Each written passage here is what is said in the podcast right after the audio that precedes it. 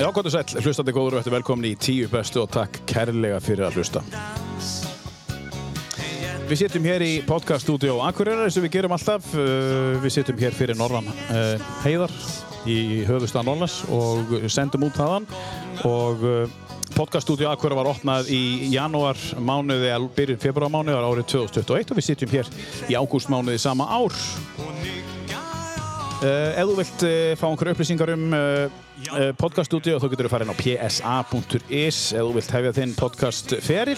Eða þá einfallega að taka upp ef þú ert uh, hér fyrir norðan hvað sem þú býr í heiminum. Nýta stúdíóð í Bítop við erum með fullkomi stúdíó. Psa.is og við sittum hér, uh, ég og viðmælandi minn í dag og við sittum og súpum kaffi frá Ölgerinni. Við þakkum kella fyrir það Ölgerin fyrir að skaffa okkur þetta æðislega og fína kaffi Svo er það Norður Akureyri sem er líka þetta stöð, stöðvar hér á Akureyri sem að eh, eru tvær. Þeir eru fannar að selja núna haustkortin sín og það er um að gera að tryggja sér kort vegna svo þarna fyllist í haust.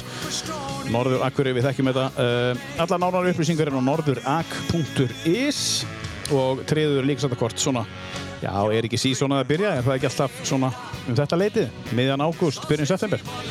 norðurak.is, takk fyrir að kosta 10 bestur. Síðan erum við með uh, kostanda sem heitir Röp23 og uh, fyrst langar mig til þess að þakka þeim fyrir að búa til besta sushi heimi og uh, fyrir að kosta þáttinn sumulegis. Þeir eru með sitt margarómaða hlaðbor í hátteginu á Röp23 og svo eru við með háttegiskortin sem að gilda á þá fjóra staði sem að þeir reyka. Takk fyrir kosturinu á, á tíu bestu. Röp23 Blackbox Pizza Akureyri hefur kostað þáttinn frá upphafi og við erum þeim kunnum þeim þakkir fyrir að hafa haft trú á verkefninu þegar að bráðan 50 þættur er að vara komnir í loftið.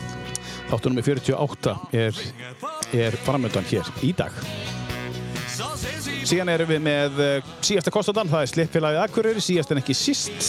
Uh, Slippfélagi Akureyri, ég fekk þá með mér í þetta verkefni af því að uh, það er alveg einstaklega góð þjónustöðana og þar getur þú fundið allt fyrir heimilið og pallin og ef þú er listamæður eða listakona þá getur þú fundið liti og ímislegt annað sem að sem þú þart til þess að gera það sem að þið þykir skemmtilegast að gera. Og svo með leiðis þú fær líka bara einstaklega góð þjónustu. Getur sest að það niður, fengið kaffi og það tekið vel á móti þér. Takk fyrir að kosta 10 bestu slittfélagið á Akureyri En þá komið að viðmælandunum og ég verð nú að segja fyrir mína parta ég er svona orðið svona kjánalega spenntur fyrir þessum þætti og hérna, það er ástæði fyrir því ég er búinn að reyna að ná honum Sveini í Kálskinni eða Sveini Jónssoni í þáttinn síðan í byrjun sumars og, og mér þykir virkilega gott að vera búinn að fá þig loksins. Svein, næstu velkomin Ég þakka þér fyrir. Það er gaman að fá þig í, í þáttinn, takk kærlega fyrir að koma Þú skalt nú ekki vera ávísum gleðinu og gaman í kringum mig. Nei, það kemur í ljós Segðu okkur aðeins, hérna, Svein, hver þú ert fyrir þá sem ekki vita Ég, ég er náttúrulega bara sveitastrákur sem að hef alveg aldrei mig hér við eiga fyrir. Ég var fyrstu 75 árin í Kálskinni og svo farði ég minnir á Hauganes í alveg sérstaklega gott plást fyrir öðru gamlingja. Já, Ég var elsti sonu minn tók við jörðinni og, og mér þótti búið að vænta um það að fjölskyldan heldi áfram og unni mér bara vel sem gammalmenni og nýtt lífsins. Býrðu þá nú, þar núna? Það er það sem að Ég bý núna á Linkholti 3 á Hauganessi Já, já, já og þar fer vola vel um okkur og konu mína og við njóttum þess að vera til. Já, hvernig líður ykkur bara, bara nokkuð vel hérna niður frá? Okkur er bara ágætlega með að við aldur á fyrir störf. Já, Ég, við hefum hvort okkar alveg verið í lægi með varðandi eh, stafsval og, og atvinnu okkar og hún hefur verið alltaf margþætt Já. á okkur báðum. það verður gaman að fara yfir þetta svona, það sem við munum eftir, það er að segja þú hér er, og eftir. Já, það var það fljótlegt að þátturinn stuttur og ég er búin að gleyma öllu. Það skal reyna að minna það á eitthvað. En, en Sveit, segðu okkur hver konaðin er og þú nú einhverja fjölskyldu og einhver börn og eitthvað, segðu okkur eins frá þeim. Já, ég er náttúrulega bestu konu í heimi. Hún heitir Ása Marinusdóttir Mhm. og var ljósmóður og starfandi í 50 ár sem slík og var lengi hér á, á sjúkrósinu og Akureyri. Hún er ungdómis ljósmóður Mhm. og uh, hefur haft maðura eftirlit á Dalvík og Akureyri og fyrir utan að vera gift manni eins og mér og það er talveit verk. Nú, segðu okkur hvernig það. Það er vegna þess að ég hef reynd að vera í ymsu da um dagana og reynd að viðkjönda ég vasast í öllu eins og bók heitir um mig að nafnið er valið af konunni minni, hún vissi hvernig ég er. Já, vasast í öllu. og ég hef gert það og þá er hún orðið að taka all verkin sem ég ekki geri og ætlaði mér að gera Já, það lendir á henni Þú tekur af þér of mikið já, og þá þarf hún að grípa inn í. já, og ég framkvæmi of lítið Já, þú framkvæmir kannski eins mikið og þú getur en tekur þér of mikið eða eitthvað. já, já, þetta er alveg laukrétt það er stuttum máli En svo áttu einhver börn. ég hef gengist við fjórum börnum já, Já. í hjónabandinu og ekki Þú hefur gengist í fjóru börn í hjónabandinu. já, í hjónabandinu og hef bara ekki náð því að, að eh, búa til fleiri börn Já, það tekur alveg einhver tíma að búið til fjögur börn. Segja okkur hver börnin eru. Í aldursröðinu þá var það Jón Ingi mm. hann er framkvæmdastjóri fyrir okkar byggingafélagi sem heitir Kalla -hmm. og lærður byggulega virki en síðan fór hann í tekniskólan og tók svo að sér að stjórna byggingafélaginu þegar hann kom heimastur og uh, síðan á ég uh, stuttum millibili dóttir sem vinnur í Arjónbanka er hafsett þar og búin að starfa Hér á Akureyri. Nei, hún er í Reykjavík og búin að vera í böngunum og, og viðar, hún lærði út í bandaríkjónum og, og kom svo heim og hefur unni í Arjón banka síðan. Mhm. Í fjórða, þriðja barni mitt er læknir sem heitir Erla Gerður Mhm. og er nú þekkt hérna og vann, vann og lærði hér á sjúkrósinu og, Já, já. og hefur svo sem aðstofað mig líka, hún startaði með með ferðarþjónustu Mhm. fyrir bráðum 40 árum síðan Já. og fannst henni að vant eitthvað að gera á sumrin og svo er fjórðabarni mitt Marin og Sveinsson sem að sem er þekkja nú hér á Akkurir hann hefur verið í ferðarþjónustinni síðan hann startaði Pizza 67 Mm Hver mann ekki til því maður? og margir minnast þess Já. og margir hafa nokkra gleði af Já. og síðan hefur hann nú verið að vasast í ymsu með mér Mhm. Og það er eiginlega á mörg störfin hans að, að segja frá því öllu. Hann lærði smíðar eins og ég. Já. og hefur stundað það með og getur, er svona sæmilega lægin með hamarinn en aðtvinnan hans er nú í öllu yfir í allt öðru. Mm hann er eitthvað ferðarþjónustuna og sportferðir. Ferðarþjónustan er á Ytrivík heima í minni gamlu sveit Eskosreppi Já.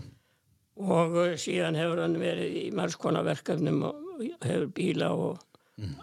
margskonar umsvið með sportferðarekstrin Segðu okkur aðeins með frá, þú heitir nú Sveitn Jónsson, þú kallaði Sveitn í Kálskinni. Það uh, hefur alltaf búið þarna eða ólstu þarna upp eða? Já, ég er bara fættur þarna fyrir Já. rétt aðeins tæpu 90 árum Já. og þarna hef ég átt heimilega mestu leiti, ég var þetta í skóla ég fór í skóla til Danmerkur að lokna landsprófi á laugum og á rosalega góða minningar frá laugum því að þar kynnti til mörgu góðu fólki sem að svo vinátt að hefur ennst öll þessi ár. Já, er það? Eh, þeim sem voru að læra með þér, nefndur sem Já, voru að læra með þér? nefndunir á, á, á laugaskóla voru með mikið svirði. Já, já. Og eru þið ennþá í sambandi við, við nokkra? Við erum þó nokkur sem höldum alltaf sambandi, við erum nú að týna töluna sem margir. Það er nú einst, einstætt. En ég á mjög góða vini og sem hafum haldið alltaf uh, góðu sambandi mm. okkar og, og reynum það svo lengi sem við lifum. Mhm, Ég á þessum strákum og og skóla uh, sískinu mínum ímislegt að þakka að verunni þar. Já. Þar lærði ég meðal annars að ganga á gunguskið Já. og þar fekk ég uh, kynnti til mennu sem voru góður í gungu og Hármann Guðmundsson í Víðum var þá í landslið Íslands á skíðum þegar hann var á lögum og mm. útæði mér skíði frá Finnlandi og kendi mér að ganga. Fyrst, voru það karhúskíði? En það voru, uh, það voru hérna þessi alveg manni ekki að Nei. það geti komið setna. Það skiptir ekki báli. Þú verður að verða það við mig að ég er farin að gleyma alls konar nafnum. Já, einhver, þetta náttúrulega skiptir engum máli. og skíðin voru góð og, og ég gæti notaði vel og fekk verið að segja að gangi umannafélag eblingu til að fá Mm. að keppa á síslumótum í skíðum Já. og náðu að verða drengjamestari hringing og það þótti náttúrulega hringingum halvbalva að skildi fara til eifirings Já, það væri ykkur eifðingur sem kemi og Já, myndi stela. og hýrti þetta en ég hafi alltaf góða tilsögn á margar mjög skemmtilega minningar og ferðalegum um heiðarnar í Þingaðirsíslu og Já. Þegar maður fer beint yfir heðarnar í góðu færi þá er maður fljóttur að fara á milli hreppa og svæða. Já. Þegar þú fer þarna í, í skóla, þá ertu hvað, í þrjú, fjögur ár? Nei, ég var tvö ár, ég held ég væri það vel gefin, ég geti farið í annan bekk Já. og tók svo uh, þriða bekk sem var gagfræðadeild og landfórsteild og það gekk allt sem að ljómandi vel. Já. En þú fer þarna og lærir á gönguski og svo, hvað, ertu orðin drengjameistari og, og, og, og er þetta bara svona eins og þú ert, þú tekur eitthvað fyrir hendur og þú Já, ég hef náttúrulega búinlega gaman. er- Ertu keppnismöður? Ég er það og að varða það nú búið núna því að hún lætti maður sem lægja lítið en þetta var eitt keppnismæður og það þýðir ekki að keppi skýðagöngu öðruvísi. Nei. Nei, það er rétt. Já, verður maður ofta að horfa í eftiröndan á þeim sem maður keppir við. Já, þú er ekkert með það að gera. Nei, ég hafði enga sérstaklega ánægja því og ég er það að gera það. En hvert fluttur á, Ríslingu háskóla, með líðháskóla á miði fjóni Mm. og þar fekk ég ákala góða kennslu og eftirminnilega. Mm Þar voru ekki próf í skólanum en okkur alltaf ákveðin verkefni við erum að skila sómasamlega. Yfirleitt voru réttgerðina 60 blaðsíðu miða við það. Já, Þar voru nokkrar já.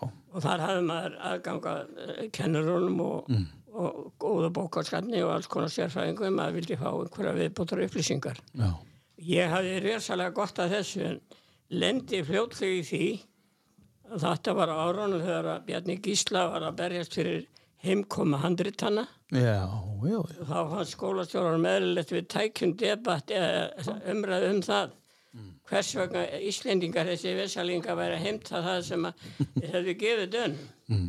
Hvernig var að vera ellendist þegar þetta gerist? Þetta var mjög gaman en það er náttúrulega voðalega mikið breyting. Já, Það var þannig að ég hafði enga peninga og ég fekk ekki yfirferslu til skólavistar í Danmörku. nú, hvernig standur á því? Bara, uh, þá var ykkursjóður ekki betur statur en það. Já, að svari var það er einhver engin gjaldir til þess að setja til einhver og einhverju sem hafa gaman að ég fara í skóla ellendist. Ég getur lært þetta hérna heima Já. að spara gjaldirinn. Þetta var svoleiðis. Það var svo strangt. Ég fekk ekki yfirfæsli til neins. En hvernig, hvernig fórstu að því að lifa það úti? Hvað gerður þú? Ég, Þú er náttúrulega náða að retta þér einhvern daginn? já, ég átti góðan kunningi hérna heima á Íslandi sem var reyndar bróður skólastjórans á lögum Mm. og hann gekk í málu út með smá styrk út til sem komst í skólan. Já. Þurfti lítið milli handana til þess að klára námið? Já, og við, ég eitti einhvern veginn vettur því að ég Nei. þurfti auðvitað að geta átt fyrir svona, eh, hvað maður að segja, vassa peninga til að komast í bíó eða eitthvað svona mm. öðru eitti ég bara ekki. En hvað varstu lengi og hvað varstu að læra? Ég lærði landbúnaðafræði og íþróttir Mm. af því ég var þá byrjar að æfa íþróttir og bæði langklaup og, og millilega hlaupinn Mm. Og það hendaði mér mjög vel og ég fekk mikla eh, skólun í sérstaklega leikfimi og, og, og bolta íþróttum og svo tók ég landbúna að deild með það því ég nefndi að læra þá og ég hefði nú kannski ekki notað sem skildi en jú, jú, ég gerði það nú því að þegar ég var búin í skólan og reyði mig sem fóðumestara í Danmörku. Já, og varstu lengi þá að vinna? Nei, nei, ég var nú bara uh, sex mánu í vinnu og, og uh, átta mánu í skólanum. Já, En þetta var mjög gott og, og ég hafði reyndar mjög gott af þessari veru minni og ég fekk þarna eins og ég sagði á þann fljótlega að skólastjórans í hlutun að verja handritin í Íslands já, og hvers vegna er það að heimta það? Þetta er þessi var bjargað og torkóðan með er ennast ónýtt. mm Ég var nú ekki alveg sammála. Og hann segir svona ef við ekki útbúa umræðu fundi í skólanum og taka krakkana með og, og ræða hennan þátt því þetta mikið svirði fyrir okkur bæði Danmörk og Ísland. Ég var alveg til í það en var nú kannski ekki alveg föttfæri að, verja mér sem skildi og leitaði til kennari minns á lögum eh, Páls H. Jónssonar mikill vinnu minn og mm. góðgerðar maður minni ímsu mm skrifaðan, þá var ekki að tala í síma, ég hafði ekki peninga fyrir því. Nei, Ég tala aldrei í síman allan tíman á skólanum. allt skrifað og sendt. Alltaf bre- sendi bref og senda á milli. Já, Og ég skrifa Pálu og beðanum með raukstyrning á dönsku, hvernig við um að verja að hafa fáum handritin heim. já, Hann skrifaði með langa skýrslu á dönsku, bara mjög góða. Mm. Og eftir tvo mánu á skólanum þá var ég verið að kalla til að verja handritin. hvað þetta segja? og uh, ég vissi það náttúrulega ég myndi uh, uh, sjálfsagt rekki vörðunar eitthvað gangast allir þessu háskóla fólki sem að kenda okkur. Já. Svo ég undirbjóð aðeins og talaði við krakkan þau stæði nú með mér um þetta. Mm. Ég að Dani voru margir sjálfur þeim er alveg sama og margir vildi að við fengjum handriðtín. Já. Svo er náttúrulega framsöguræður og það er, ég reyndi að, að, að verjast og, og nota skrifin frá Páli á sem björguði miklu. Já. En auðvitað við kenni ég það að skólastörnum var afbörða skólamaður mm. Og hann hafi nú mjög gaman, líka humoristi og hafi mjög gaman af að stríða mér með handritinn og ég fann það nú fljótt. Svo að ég segi svona í restina til að gera þetta sögust þetta eigum við ekki að láta að fara fram svona pröfu kostningu fyrir, meðal þjóðarinnar og taka skólakrakkana hérna 150-60 nefnendur mm. og spurja þau mm. eigum við að halda handritunum í Danmörku eða eigum við að skila þeim til Íslands það er spurningin Hvað er þetta að og segja? niðurstaðan var þannig að hund- af 150 og, og tveimur sem mættu þá var það held ég 151 sem skilaði atkvæði og allir vildi að Íslinga fengi handritin Heim. heim Og þetta er bara, þetta er sagan í kringum handritin. Já, þetta er sem meðal annars Já. og þá segir skólastjóri þegar hann lendi í þessu og þá voru bara átta atkvæði hjá kennaranum og prófessorunum Já. vildu halda í Þetta er bara afgerandi, segi ég, þetta er kosting sem ég get ekki litið framhjá. Vissir þá að það þýtti ekki, þú, þú vissir að þú þurftir að fá nefnduna með þér til þess að fá þetta samþygt? Ég, ég var að gera eitthvað. Ég, Já. ég vissi myndi náttúrulega vel að ég var ekki standa í raukstunningi á móti þessum lærðu mönnum. En má segja það þá í, í, sko, í alvöru og ganni að handritin komið til Íslands vegna þín? Nei, það er náttúrulega ekki. nei. Og þetta er nú bara innan skóla. Já, innan skólans, já. En þá segir skólastjórin sem var mikill skólamaður og einhver mesti skólamaður sem ég hitt um dagana nú Mhm. ekki, ekki háskóla gengin. Já. Jæja, kallinn, þú hafið þarna krókamóti bræði og verið búin að undirbúa þig. Auðvitað talaði ég við stelpurnar og það er unnið þetta allt fyrir mig og gekk vel. En er þetta þú svolítið í grunninn, Sveitn, að þú gerir bara það sem þú þarfst að gera og, og til þess að klára málinn, þá ferðu oft svona óhefbutnari leiðir, eða? Já, ég er náttúrulega aldrei er, gengi vel í göttu, Nei. svo má segja, en ég er búin að lendi í mörgum dagan og haft yfirleitt bara ánægi af því flestu. Já, já. Ég er náttúrulega algjörður rakvallabálkur í, svona, í, í ferðarlegum um landið og ýmislegt fleira, en uh, ég er hérna ennþá. Já. og ég hef fengist við margt og ég segi það nú núna þá get ég alveg staðið á því að það er ekki vinnan sem drefur okkur. Nei. vegna þess að ég vann tvefald að vinnu oft á tíð ég var að byggja upp í kálskinni og vann ég á nætturnar og var að vinna með drattavel og, og búa til tún og byggði hús á daginn Einmitt. og svefnin var ekki alltaf mikil Þú er alltaf vunnið mikið. Ég er það og ég tel að það er mín gæfa meðal annars. Vegna þess að vinna sem að skilar einhverju og sér eftir eitthvað það er ánæg og gleði og þú ert miklu betri sálarlega þegar þú sér árangur erfiðið sín. Og það er kannski ekki hægt að flokka þig undir vinnu. Það er bara gleði. Já, það vinna getur verið gleði. Ég segi núna þegar ég heimsæki fólk á elli heimilum bæði hérna um hlýð og þá Dalvik sem ég hefur oft að hitta fólkið mitt Mhm. að uh, það er svo mikið svirði og gleði í höstnum Mm. þegar þú fullónast það er besta meðali til að njóta ellinar Mm, og akkurat. ég get alveg staðið við það með, með okkur hjónin Já, já. Og þau dunduðu ykkur bara niður á Hauganesi, þú Ása og, og, og Já, hvernig er svona típisku dagur hjá þér í dag? Þú ert ennþá að vinna það, ekki? ég ger ekki neitt og helst alltaf verið að losna við það en uh, það er ég Ertu duglegur í heimilisverkurum? Nei, ég, hún er að reyna að kenna mig núna. Já. Ég, í, okkar hjónabandi var það nú þannig að konan sá um öll inniverkin og matræsluna og, og kallarnir um útíverkin og búskapin eða sjósóknina því að maður blandaði eins og saman. Og þá var það bara eðlilegt að verkaskiptingi væri þannig konan inni og kallin úti. Já. Nú eru krakkarnir okkar unga fólki og það er svo vel gerði í matreyslu og allir mögulegu snillingar í svo mörgum hlutu Einmitt. og það er þetta líka vegna þess að, að erfið við að lifa af og hafa eitthvað út úr bröðstritinu bara sem, til að lifa við og af það hefur breytt svo rosalega mikið. Já. En þú hefur séð svo margar breytingar. Uh, þú hefur séð fleiri breytingar en til dæmis ég. Ég er svo miklu, miklu meira. Því ég fættur í kreppinni miðri Já. 32 Já. og þá þótti gott að hafa að borða og hafa ekki beðið neitt meira. Nei. Og um þetta á ég nú margar sögur og hef sagt krökkunum og þeir trúa því nú alla þetta hafi nú verið svona.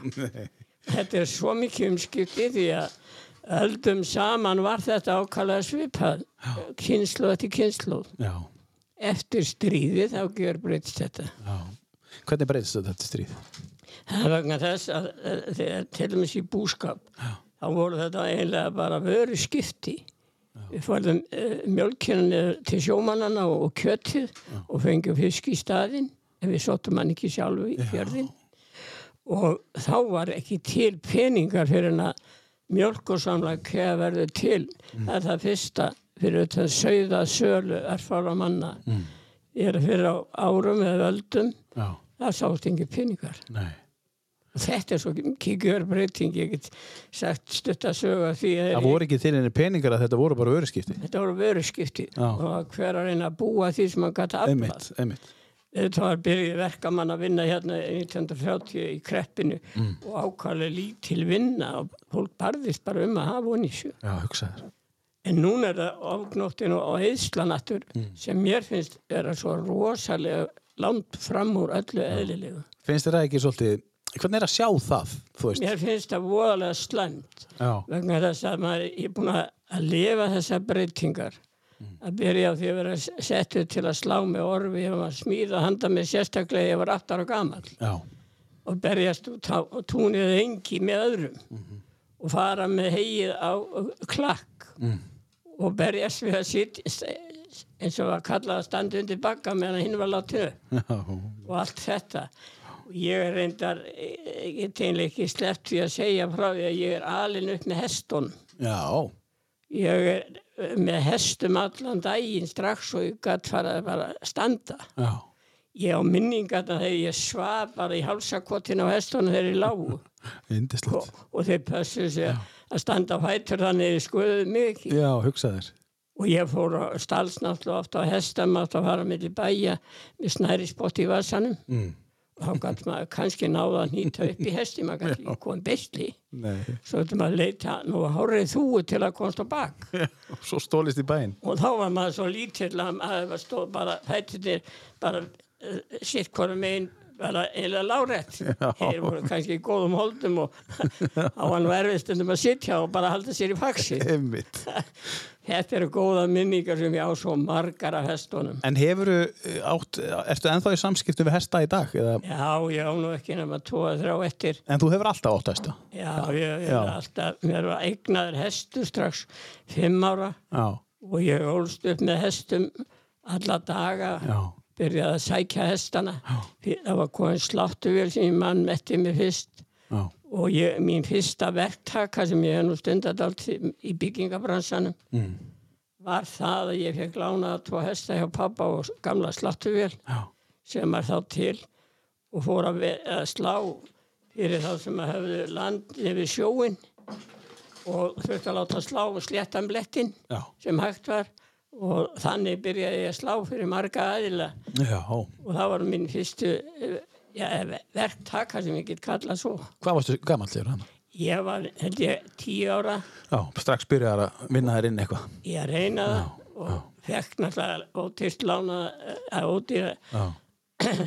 lána hestunum hjá pappa. Já. Hann hafði nú svolítið gaman þegar ég vildi fara að sjá um þetta sjálfur Já. og var valla til að setja beslip í hest. en varstu svona fjörugur uh, hugmyndaríkur ungur drengur eins og þú ert í dag? Ég náttúrulega var sjálfsagt ofirkur og Já. ef það hefði verið til reyttalinn þá hafði ég ekki nokkuð tíðan orðið að manni það hefði verið svæft allt sem ég vildi gera Einmitt. Það er þín skoðun á Já, þessu. mér finnst bara Já. svo mikið svirði að krakkarnir fá að njóta Já. og fá að snemma að takast á verkefni til að, að þroska þau Mm. Það er verið kannski að setja allt og marga bara í sama núna. Það er allir að vera eins og þá er allir kerðið niður eða kerðið upp með livjum. Já, þetta er mikið rétt hjá þér vegna þess að ég held að þegar á að setja alla er nú í sama móti Já. þá sé það óhefilegt fyrir þroskan því hann er svo margvíslegur. Og það hendar bara þriðjungi e, e, hérna, mannkynns að það eru bara þeir sem er í miðinni, hinn sem þurfa að koma á endunum inn, það hendar þeim bara ekki. Nei, þetta er, er alveg hárrétt. Til þess að menn njóti sín og þeirra hæfileika sem þeir eru Já. þá þurfum við frelsi. Já, rétt. Erðu, þú fjast hérna verkefni, við ætlum nú að halda áfram á eftir sveit, þú fjast uh, verkefni um að setja niður svona smá lagalista af uh, þínum, uh, já, hvað, uppbórslögum eða lögum sem þú hefur dansað við einhvern tíðina eða hvað er, sko. Við byrjuðum á Sven Ingvars, ég ringer på fredag. Hvernig kynntustu Sven Ingvars? Ég það nú vegna þess að ég sagði ráðan að ég var í skóli í Danmarku Já, og ég hafði alltaf gaman á að dansa og uh, það er nú einlega leiðin til að njóta lífsins að vilja og geta dansa og þetta eru lögin sem ég man eftir því að ég var á Ríslingu på, á háskólanum já, og Danir er eins og allir vita miklu húmoristar já, já. og skemmtilegt fólk gaman að skemmta sig með það er annar Dani hérna inn á, á listanum líka að, ég hafði áhuga á Já. þetta er músíkin sem ég líka nöyt þegar ég var úti einmitt. þess vegna er gaman að hafa þetta Þetta er aðeinslegt, sko. En uh, við ætlum að taka næst uh, lag með uh, Dittu og Óskari Peturssoni. Getur þú sagt okkur, er þetta eitthvað sem tengist einhverjum sérstökum uh, minningum? Já, það er Óskar Pétursson er mikill vinnur minn Já, hann er giftur inn í fjölskylduna og Já, já. áfrængu minni og hann er mikill humoristi Mhm. og mér hefur alltaf þótt skemmtilegt fólk sem gefur eitthvað gott af sér já. það má segja um Óskar og ég ætla ekki að hæla honum þannig að aðri heyri Nei, ekki gera það. Því hann er svo magnaður uh, karakter eins og allir sem þekki hann vita og hann er svo mikið glerigjafi hann er svo mikið að segja fyrir fólki í kringum sig Já. Svo er þetta náttúrulega hörku söngvari hann er stendur sér náttúrulega afbörða vel sem söngvari og mikill bifjöluvirki. og hann er lægin lík í höndunum við hefum saman Ford til að gera upp Ford Bronco Nú er það. sem er í minningu minni einna betri bílólum Við ætlum að fara í það næst hérna bara. Þegar, þú ert nú bíla að bíla ætt já, ég er að bíla eitt og við viljum aðeins að tala um hana Bronco eftir uh, Svein. Við skulum heyra aðeins í Dittu og Óskari Peturssoni. Við gengum tvö af listanum hans Sveins. Tvö, við hlítum tvö í hómi ein. Er blærinn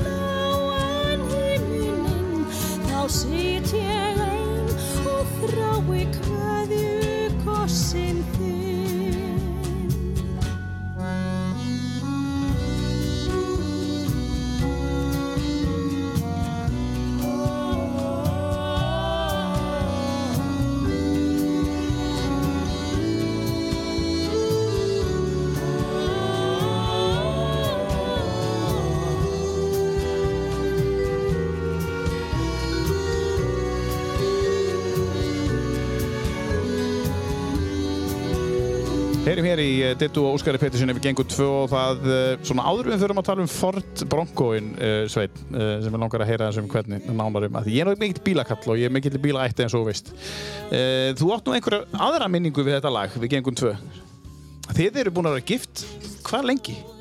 Við eigum eh, 63 ára brúkos amali eftir halva, tæplega halva mánuð. Já, það er að það er komin demantur Það kom demantur og það var í sambandi við demantinn Mhm. sem að, krakkarnir okkar tók okkur í óvissuferð og byrjuðum heim í Kalskinni. Mhm. Og þegar við erum að byrja á aðalréttinum þá heyri þetta hljóma í stuganum. Já, Þá er Óskar kominn og syngur þetta til okkar með undirleik frá Valmar.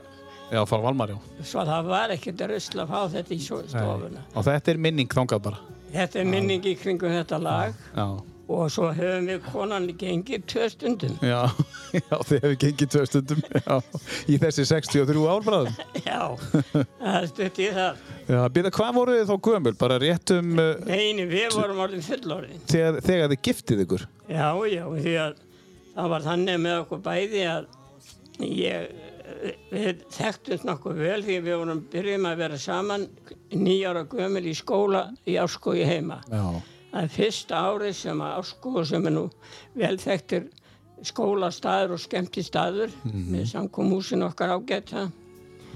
Að það er byggt og byrjaði að kenna í því í 49 já, eða, eða einlega fyrir, fyrir 39 39, já, það er 40 sem við kynnumst þarna þá er Já. 8 ára gömul. Já, einmitt. þá voru, byrjuðum við í haustskóla. Og hann var í halvan málun Já, síðan hefur við þekst en konan hún komst að því í skólagöngunni þegar við ferndumst saman.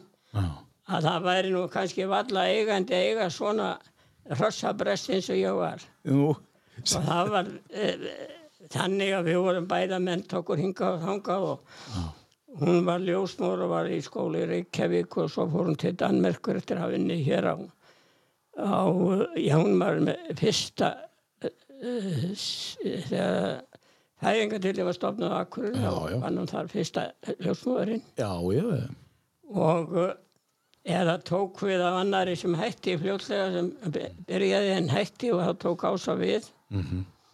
og þar var nú við loða í 50 ár já, 50 ár, já. Hún er tekið á móti einhverjum bönnum? Já, ég segi að þið séu svona næri því 800 held ég Já, það eru Hún 800. hefur þetta skráð Já, hún hefur þetta skráð. og, og það er dálítið tengda svona okkur Óli Björn Kárasson þingmaður hann tók saman dálítið um okkur þegar við áttum þetta emansbrúðkaup Mm. og hann lagði það saman og hún var búin að lifta rúmlega tíu tonnum á ungbörnum með allar þar viktanir hún hefur gert í gegnum ári. 10 tonna bönnum, Já, hugsaði þér. En, en, en uh, já, þetta var skemmtileg minning í kringum þetta frábæra lag. Við myndum að heyra fleiri lög á þessum lista og, og hérna, séum okkur aðeins frá þessum Bronco sem að þú og Óskar í saman.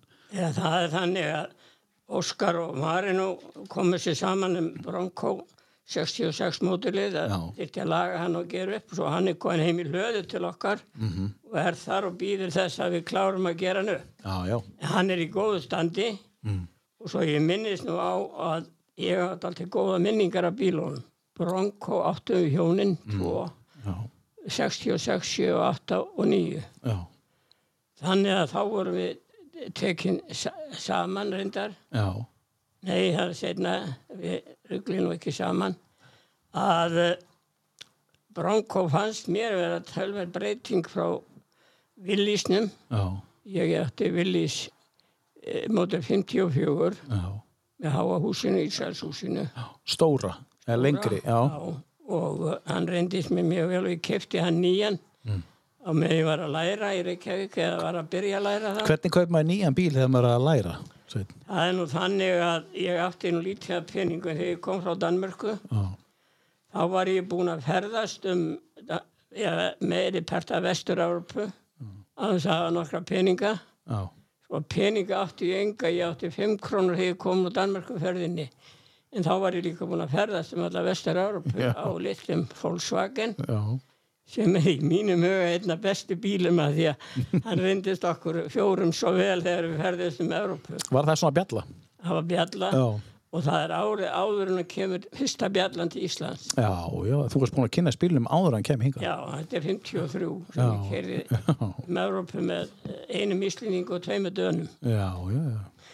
Ég með mér á, á skólanum í, í, í Ríslingu í, í Danmörku var skólabrónum minn frá laugum Artur Björnsson sem var lengi þann hótelstjóri á Reynilíði Mjösveit og hann er minn besti vinur í gegnum þygt og þund öll ásegurliðin saman Já, og við eigum alveg óhemja marga minningar og ferðum okkar því að þá áttum við enga peninga til að ferðast nei. erum að uh, sníkja okkur epli og perur á trjánum sem heng út yfir garðana Var það svoleiðis? það var þannig við höfum enga peninga Þeir sáu bara eitthvað eplatri og það var bara stoppað. það var nóg ávúkstum Já, þeir heng alls þær í kringum okkur já, einmitt. Svo það var ekki vandin En, en bensín á, á, á bjöllum? við uh, vorum fjórir Já, það var einn bankamaður frá Danmörku sem við kynntumst og hann sá um fjármálin Mm. já, já.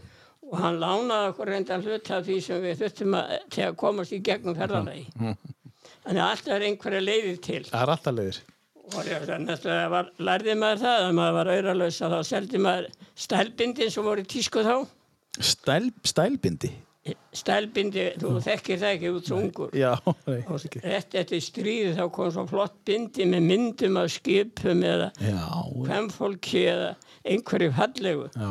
Og þetta gekk í augum og dönum því að við vorum undan þeim í þessu því að við vorum búin að læra svo margt af setfjöliðinni hérna.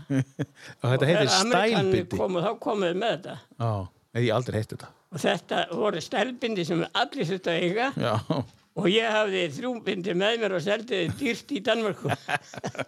þú var strax byrjaðar að vinna í þessu. En, Já, maður verður alltaf þurft að bjarga sér já, já, já. og maður leita leiðan. Já, svo ertu komin heim og þú ert búin að kaupa þig nýjan, uh, nýjan villis Já, með Ísraels þakkinu.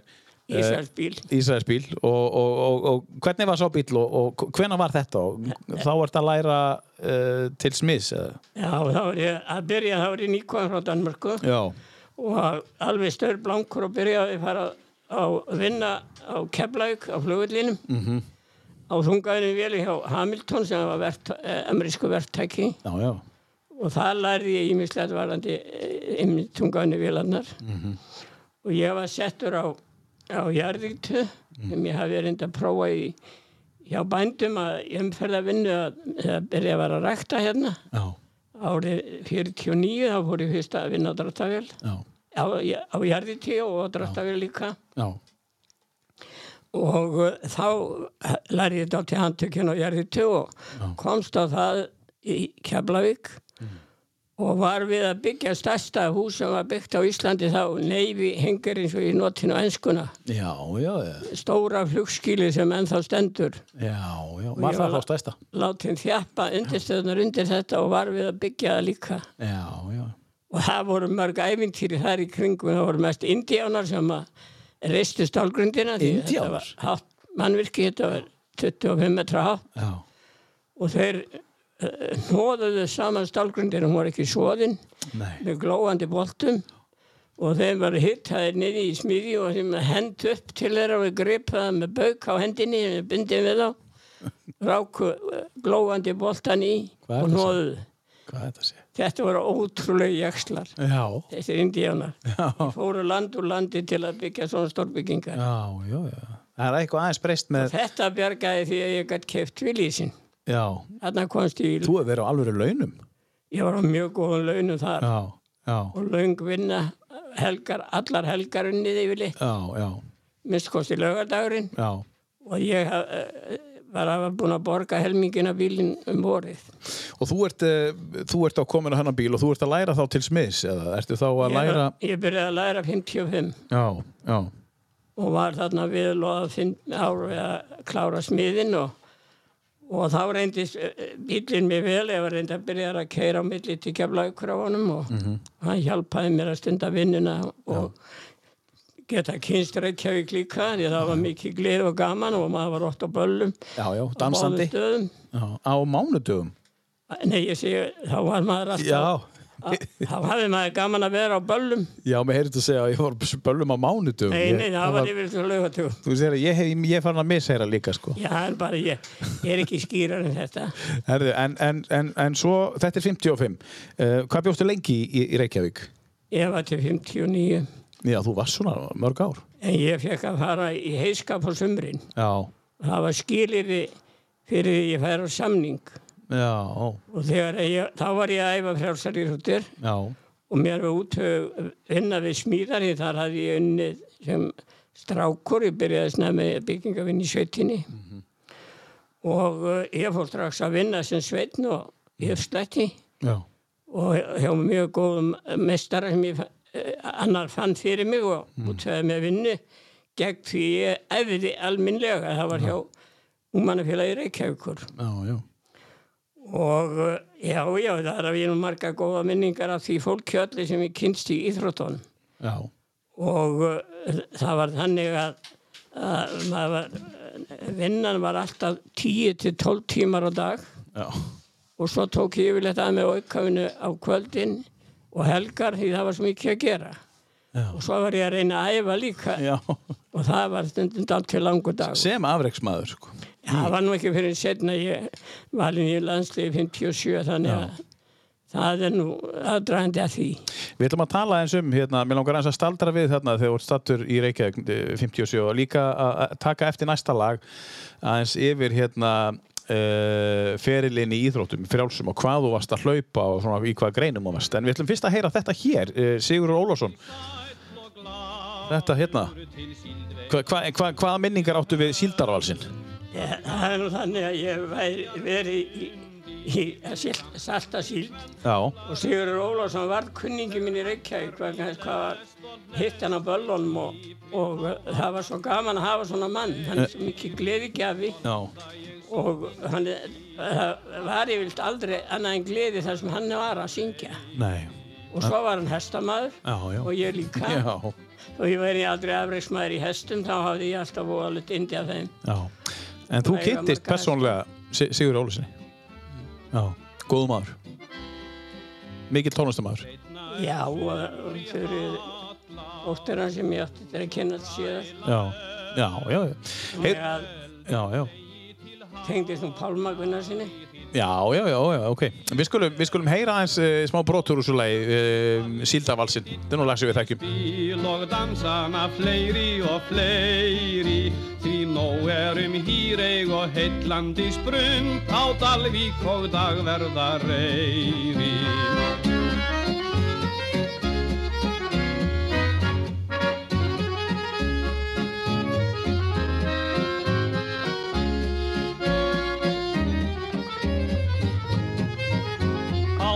dunandi balli við dillandi spil og dansana fleiri og fleiri Því nóg erum hýreig og heillandi sprund á Dalvík og dagverða reyri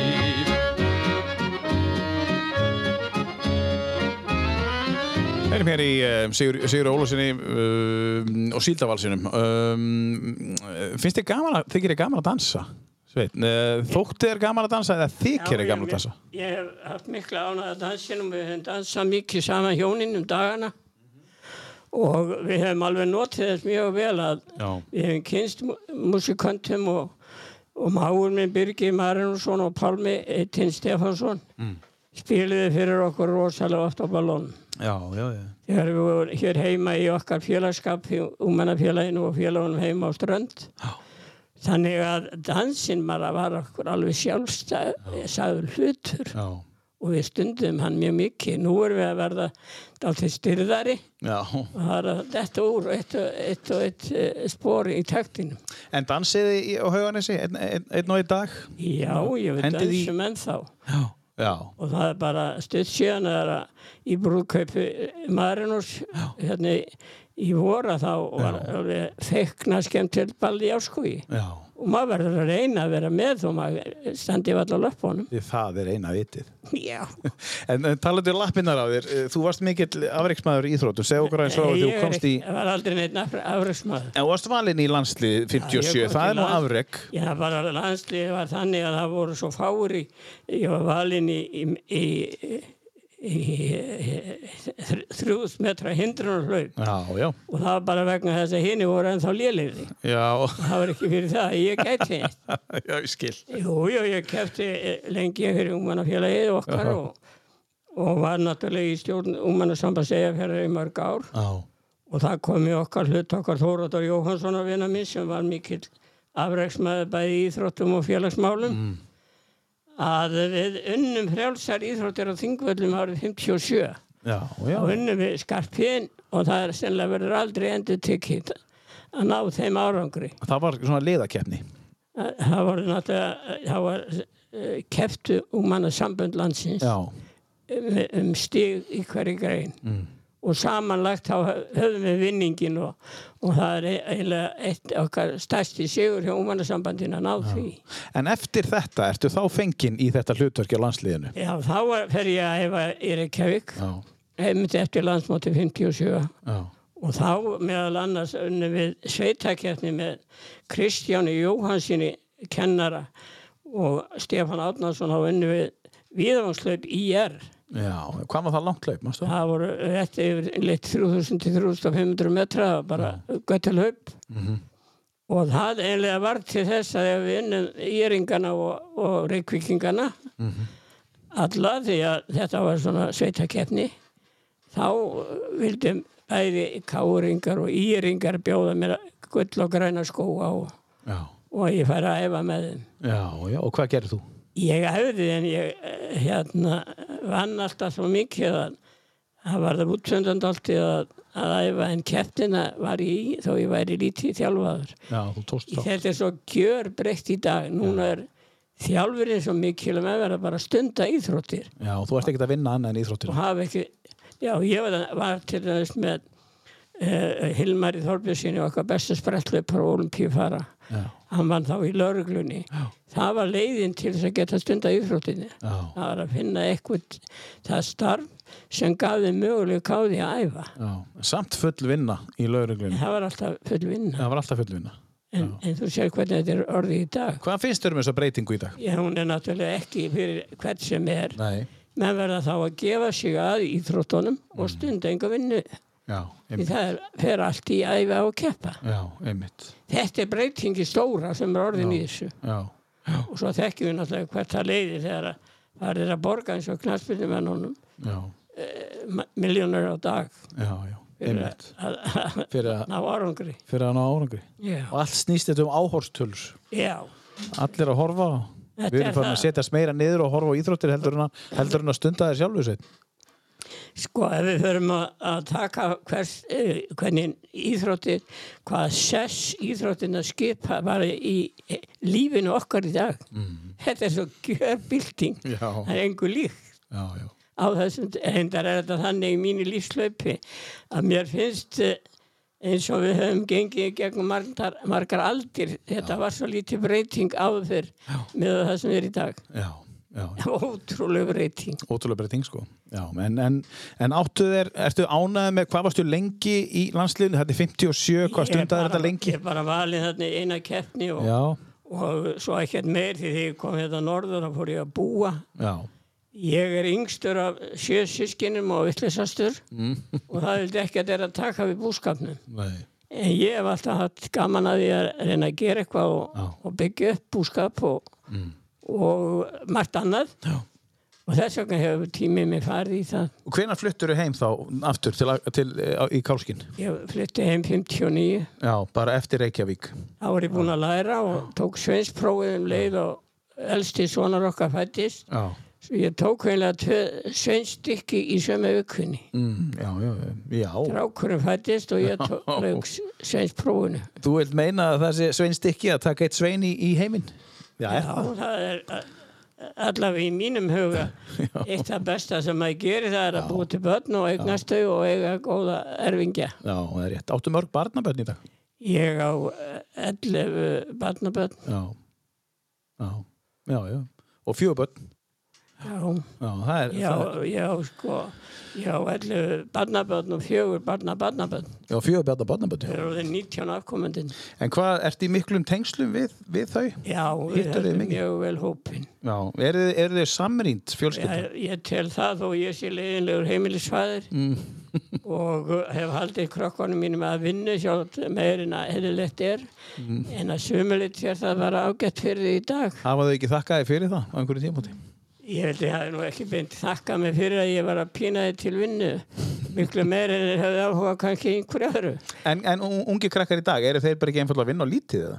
Ég, þau eru nú alveg förðu mikið hjá okkur til að fylgjast með barna, barnabörnin Já, og þetta er ekki ennþá fullorðin farin að vinna en eh, ég er alveg viss um það og tel það að það er mikið gæfa fyrir krakkana og unga fólki að fá að kynast vinninni þó að margt sé í bóði já. og það er þetta erfitt að velja og hafna í dag. En þegar, þegar börnin og, og nei, barnabörnin koma til, til af og ömmu, hvað hérna, eru þau látin sækja og fara með diska og, og ganga frá eftir sig þau er, hafa náttúrulega verið með búskapurinn var en látin vinna? það, þau eru vinn, byrja að vinna strax. Já, þeim er falið það sem þau geta gert. Já, já, á hvað aldrei sem er. Já, já, og þetta tel ég náttúrulega dýrmætt bæði það að halda fjölskyldinni saman.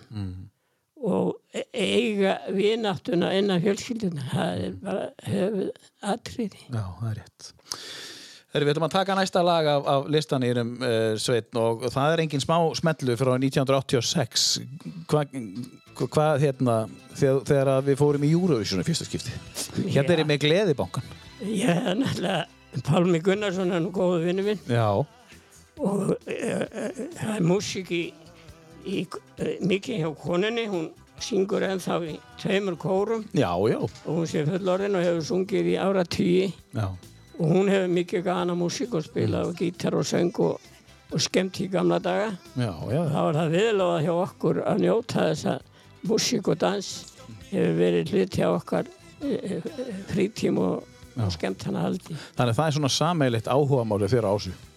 Ég, það, er- Eitt af þeim. Ég held að þau séu nokkuð mörg Já, En það við hefum eitt voðalega miklum tím í félagsmál, bæði tvö, einmitt. sitt í hverju félagunum og saman. Já. Við erum ennþá í umannafélaginu reyni og ég hef búin að vera þar í, í, í, í 70 ára rúmlega það, Já, 74 ár líklega, þegar ég er fermdur þá var ég að byrja að snasa í þróttum og knastbyrnu og, og ég gæti nú aldrei neitt þar því ég stundaði hann ekki. Ég er nú laugum, ég ke var keppa þar. já. En þú lítur að vera en heiðusmeðlumur.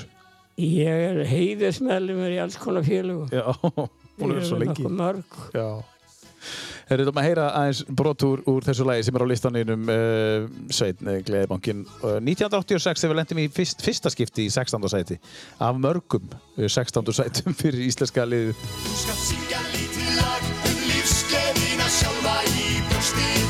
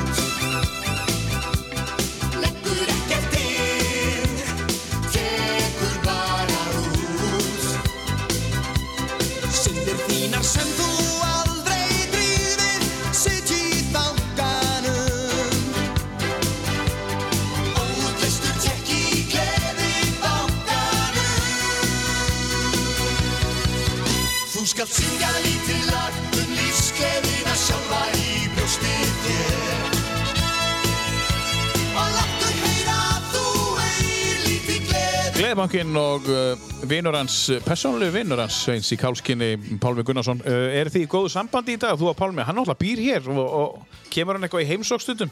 Nei, við hefum ekki náð saman lengi en Nei. þegar hann flutti norður til okkar þá var ég sveitastjóri heima og útfæðum um húsnæði Já, þegar hann kom norður á Oskosand já, já, já, já. og mér ekki vola væntum bæði Önnu og Pálma og við hittist ekki mikið. Nei. Þetta er mikið sóma fólk og Já, já. Pálmi er búin að vera gleðja mig oft með sínu söng. Já. Svo ég vil gætna, það það er nú bara ekki kominst í verk hjá okkur að hittast nógu oft. Nei, nei, nei, það er ekki að gera. En söngurinn hans er búin að að skemmta mér oft. Já, mikill tónlistamæður. Frábært að fá hann hingað aftur. Ég held hérna á uh, endurminningunum sem að hann uh, Björn Ingólfsson ritaði. Um, er, er þið persónlega vinnur, þú og Björn Ingólfsson? Já, það má alveg segja það. Já. Ég, er mikill sjómamaður Já. og mér til að væntum að kennast honum. Hann var honum að kenna þessi saga var til og hann fór að skrifa eftir mér. Honum að kenna eða þakka, segja sumir. Já, ég veit það ekki. En, en nú- titill um bókinni, uh, frúin á, á, á, á, titillin eins og sagði á hann, er það ekki Já. vasast í öllu? Já, hún þekkir það kannski manna best. Já, þú hefur verið að vasast svolítið í, í Já, hinn og þessu. allir geti nokkuð borða á móti því. Þessi bók kemur út uh, árið 2007 og þá varst þú 75 ára. Er þetta ekki rétt í mér? Jú, Já.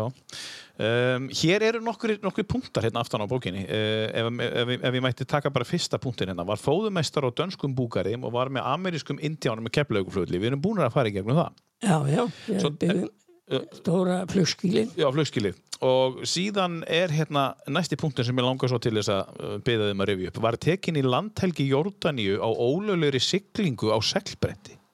Já, já, þetta, sýnir nú kannski best hvað ég er mikil vittlisingur Já, og ég hef verið í mörgum félögum eins og ég sagði þér áðan og ég hef sagt stundum að það lýsi best hvað ég er lítið gefin að ég var í stjórnum landsamband íslenskra vélsleðamanna og landsamband íslenskra frímerkjasafnara LIF F og LIF samtímis, líf og líf. Já, líf og líf. Já, og þetta er svo eh, ég, ég ekki hvernig á að lýsa því af hverju ég hef ánætt þess svona mörgu. En það er alveg rétt að ég eh, eftir að ég uh, var á skólanum í Danmörku þá gerðist ég fóðumistari og uh, stjórnaði búgarði á þess að kunna nokkra kornarækt ég hef aldrei séð það. En hvernig fegstu vinnuna? Það var þannig á skólanum þá kynnti sér mörgu góðu fólki, bæði strákum og stelpum. Og uh, strákur á Jótlandi hann baði mig endilega að koma því við vorum miklu félagar og ég átti mörg skólasískinni þar. Í vinnu þanga út með þessa vinnu á fóðumestari á Búgarði um, í söður Jótlandi í Elsvötnin mm ákvæmlega eftir svolítið staður og mikið líf og fjör. Og uh, þar uh, þessa vinnu þáði ég, hún var vel borguð og, og það var þannig að ef ég stóð mig vel þá fekk ég 50 krónum meira kaup yfir mánuðin.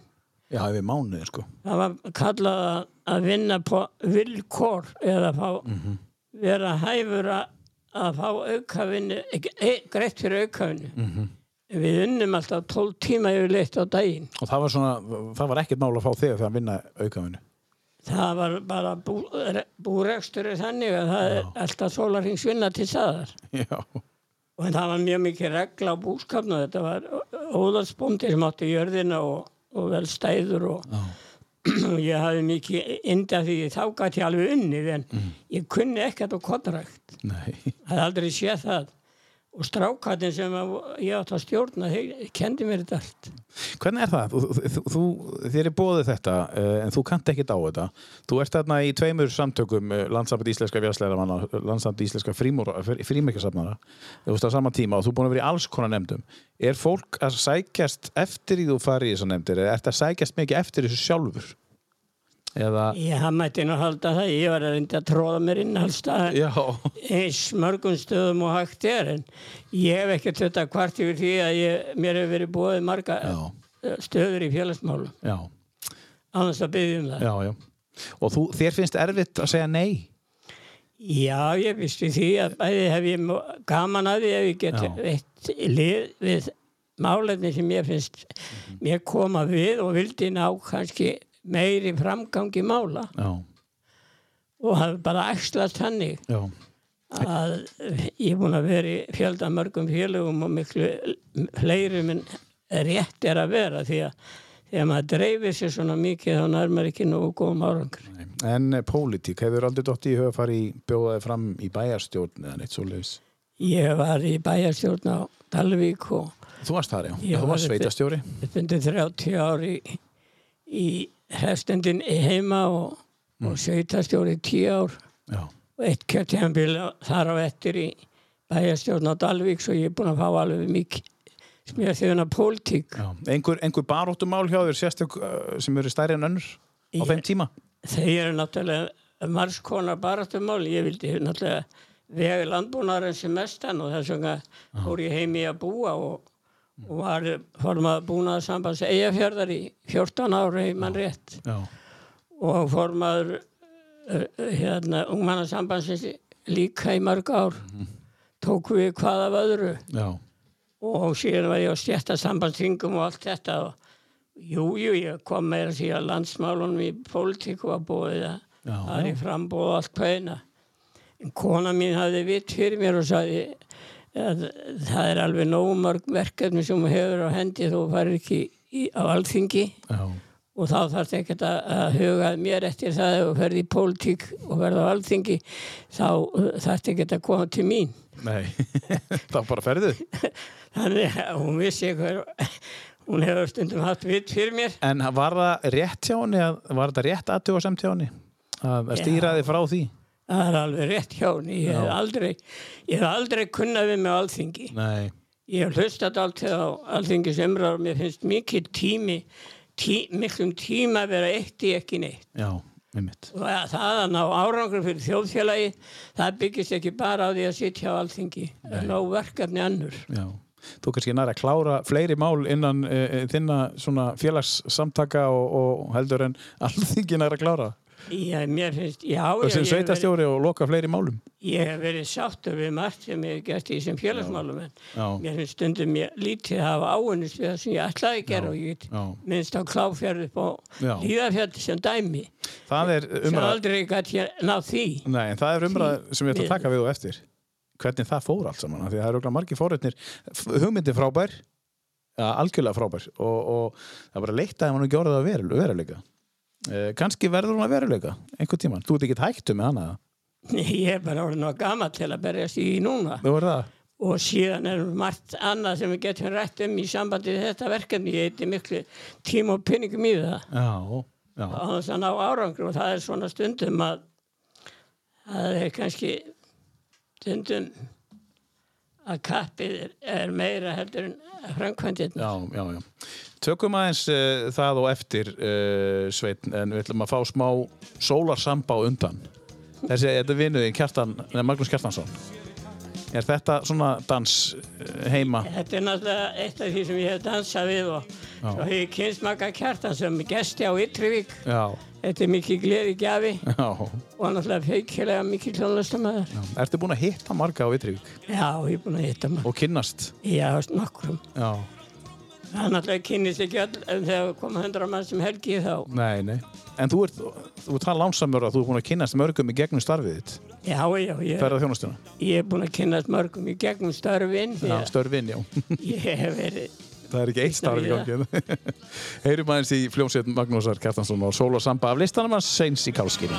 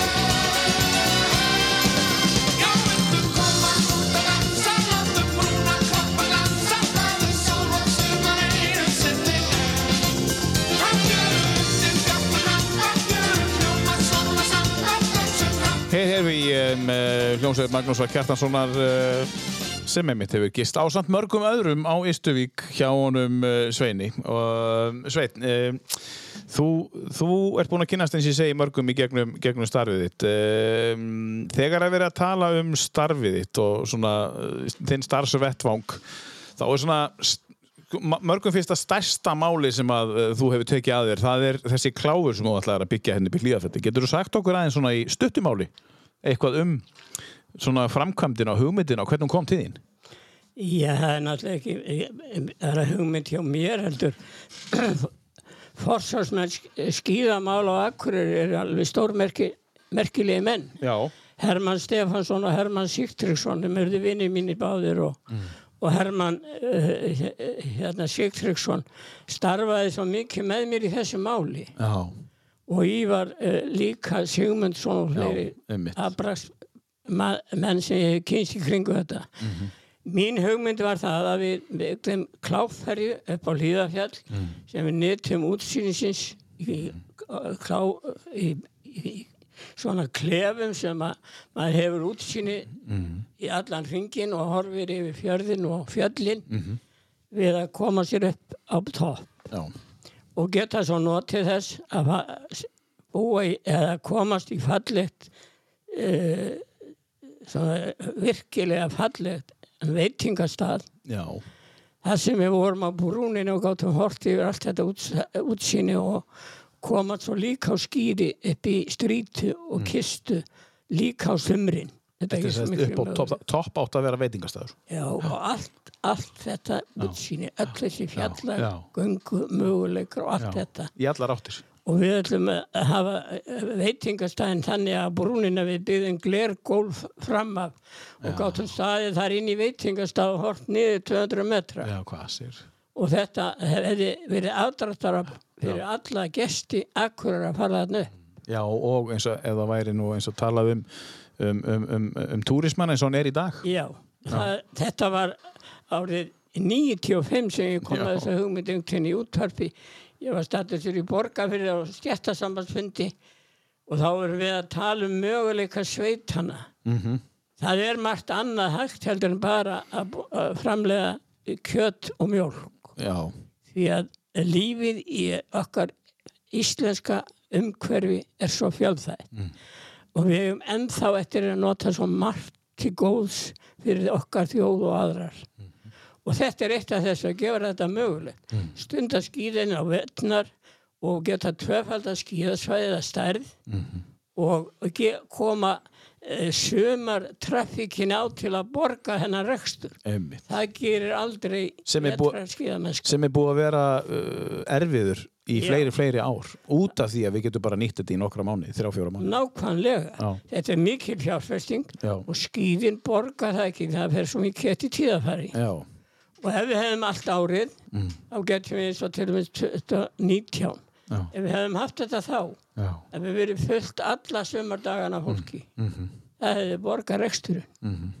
já. Þetta finnst mér fólki ekki skilja að skýðin borga aldrei kostnaðin við að reka liðafjall. Það hefur sannast í 20-30 ár. Já, er hver, nú vil lengi reka þetta. Nei, nú vil lengi reyka það, það er erfitt að finna rekstar en hvað, hvernig, hvernig fer þetta mál? Þú, þú berðið þetta inn á borð hvert og, og, og hva, hvernig stoppar þetta? Ég, það er ekki eh, hægt að reka skíðasvæði nefn með því að leggja í fjármunni Já, og það er ekki víst að bærin hafi alltaf 10 miljón af hverju ári Nei. til þess að reka skíðin þó okkur ekki gana að fara á skíði nei, og ég hef sjálfur ennþá gaman að fara í gungu skíði og ég sé hættir á suskiðum. Já, já, mér kefti á í gamla dag og í stökki líka. Nú er Já. það alveg dottið upp þeirri já, það er alveg hægt. en hlýðafjall er svo mikið demanti fyrir akkuriri að þetta hefði gert að verkum við gott að nota eh, bara sömarið til þess að fara eh, með ofurjeppum sem eru til í landinu keira að strítu hafa það tóbrödd stund að skýða allt, land- allt sömarið fyrir landslið okkar og áhuga fólki. Já, og þannig hefði fengið rekstragrundvöld sem fæst ekki með því að bara að lúa að skýða íþróttinni sem er náttúrulega mjög gott og þar. Já, en það þarf einhver að borga það. Og þess vegna fannst mér þetta hliðarspor sem var tekið með annari stólaliftu já, vera til að tefja það en einhvern tíma kemur þetta almennlega uh, hérna uh, sem við getum kallað virkilega standi undir sér kláfur sem ber fólki upp. Kannski okkar hugmynd og ég var búinn að fara með Ívari til uh, Östuríkis og gerðum próforma samning við eiganda mm. Dobbelmæger já, að hann vildi hjálpa okkur í þessu máli. Já, en þetta var dýrt. Árið 2000 eða árið 90, nei, 2005 Já. þá vildi ég fá verkefnisfélagin með mér. Já, og við sköpum svona opið alliða hlutafélag sem fólk har keipt hlut í eins og er til síðs í dag. Já, já, og við byggðum að, með verkalýshreyfingunni að það er lagður uh, hluti að afkomu félags, félagana. Í að byggja upp almennis hlutafélag og gera þetta virkilega stórvirki. Já, Mér var sagt að við setjum ekki peningi í hlutafélag sem að engin veit hvernig fer. já, En okkur ára setna í hruninu þá fóru fjórin miljardar fyrir ekki neitt. já, Já, þessu sama einmitt.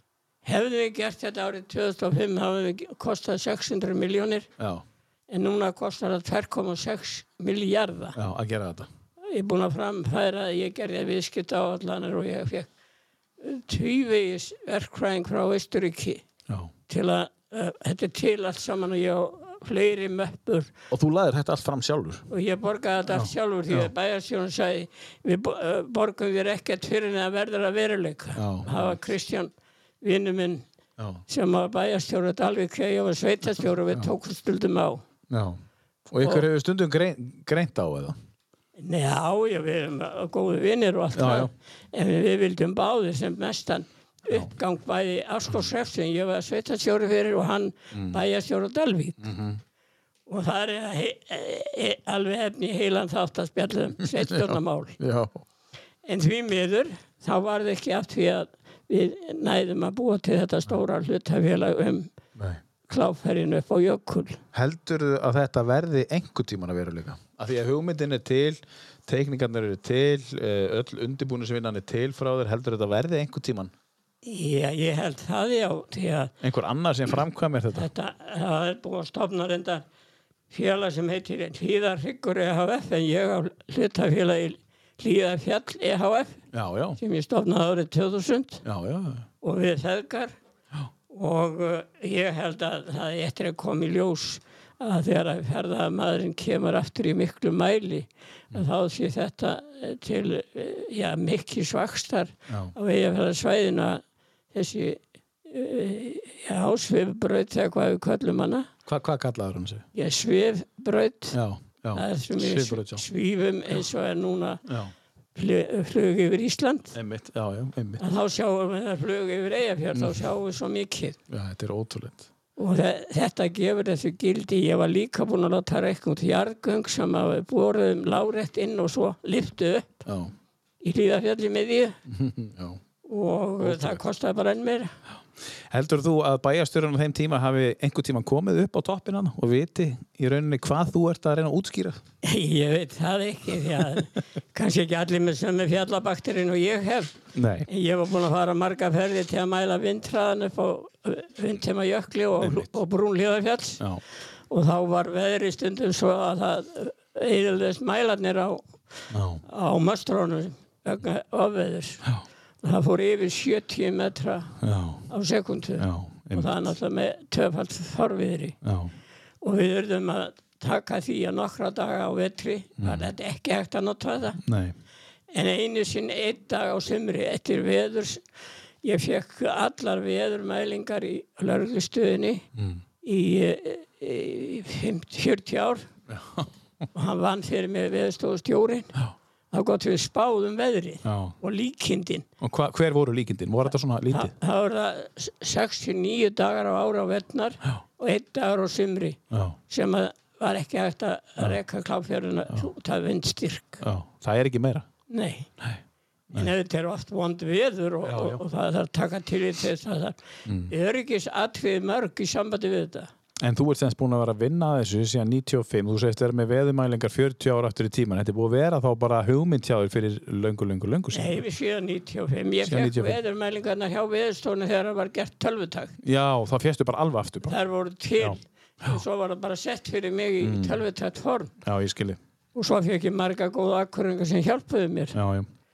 Þannig að þe- þetta er, þetta er búið að vera þeir, ja, ertu, e, hugsaður um þetta í dag? Já, já, Já, ég sé möppuna sem ég á í kringu þetta Já, sem ég veit ekki, ég á dálítið margar eða mörg, ekki tíu heldur hundruð af möppum í mínum félagsmálum. já, Ég hef búin að vera í tugum félaga já, já, og þetta hlýtur að vera eitthvað eh, sem lýsir miklum greindarskorti að láta svona halda að maður geti ná árangri svona mörgum stöðum. Var- málið er að leggja þetta aldrei frá sér. Það er, það er listin, sko. Það er að halda áfram. Og það, það er sveitn í kálskinni. Það er þannig. Er það ekki? Ég, nei, nei, ég hef voru núnutjungur núna til allra hluta en að ég hef ennþá í kollinu margt sem ég vildi láta gerast. En ertu ekki búin að segja þetta í mörg ár sem ég ótt að segja nú? Jú, jú, Jú. ég hef búin að því og ég er engin afkasta maður. Ekki í dag. Ég hef aldrei verið sjálfsagt því að þetta er eftir að framkvæma það sem ég vildi gera. Akkurat þetta, já. En En ég er búin að byggja, eh, koma fleiri hundru húsum ef allt er talið. já, ég ætlaði að segja það. Þannig að förum kannski aðeins yfir í það sem er búin að vera að framkvæma í rauninni hér eftir þetta fína lag með Ragnar í Bjarnarsinn og Leiló. Förum aðeins kannski tölum um að það er einhver minning á bakveð þetta sveit eftir lagið. Þetta er þannig týnist tíminn. Heyrim þetta eins. sem geymir falleg brós Þarna er gömul mynd sem sýnir glaðar stundir Þar er ég, þar er þú, þar er allt það sem ástin okkur gaf Þannig týnist tíminn Þannig týnist tíminn Þannig týnist tíminn þó hann byrtist við og við. Þannig týnist tíminn, þannig týnist tíminn. Þannig týnist tíminn þó hann byrtist við og við. Líkt og mynd sem bjó í vonarlandi Raggi Bjarnar og Leiló. Uh, Sveit, þetta lag, uh, uh, hvernig kemur þetta lag inn á, inn á, inn á listan hjá þér uh, með, uh, með þeim tveimur? Eða þetta lag bara? Hvernig týnist, tí, týnist tíminn?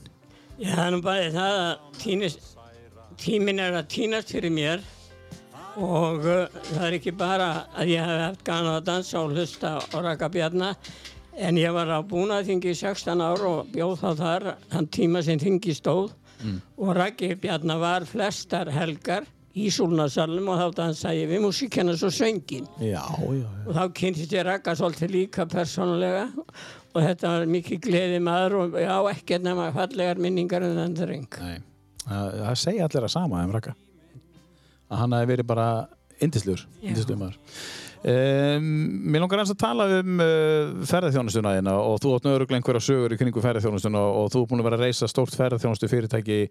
Um, en sko, nú langar maður að spóla eins eftir hvenær kynnistu fyrst hótelrekstri? Uh, getur þú sagt okkur það, hvenær þú hvernig þú, hvernig þú kynnist fyrst hótelrekstri og fær hugmyndina að því að stopna ferðarþjónustu Já, það er kannski nú langur aðdraðanda því en ég hlifti hindraðan með svo má segja ég fór til Danmerkur í skólan Já, og uh, þá eins og ég sagði áðan að það var ekki um peninga að því maður fekk ekki yfirfæslu gjaldir yfirfæslu Einmitt. og var það að bjarga sér á annan hátt. yfirfæsla var það eins og námslán í dag? Já, þannig að ég sótt um bara að fá að kaupa, ég átti átta rollur og tvo hesta, einn hest þá. Já, og seldi það til þess að fá einhverja peninga í ferðina. Mhm. og ég ætlaði að fá yfirfærslu að fá nokkur uh, helst 2000 krónu danskar. Já, og ég fekk ekkert því að svari var það eru nógu skólar handaðar á Íslandi. Já, og þú þarft ekki til annara landa til að, nefna hvort það er búfræði eða íþróttir Mm, eins og ég var í Danmörku. Já, og þar við satt en ég fór nú samt og við Artur Björnsson ég náði styrk út á kunningskap mm. eh, vegna þess að bróðir skólastjórnans og lögum var Gísli Kristjánsson rittstjóri og hann var giftur danskri konu. Já, og þessar konur hafa að- margar eins mér vel og hún útöði mér 857 krónur danskar í styrk. Já.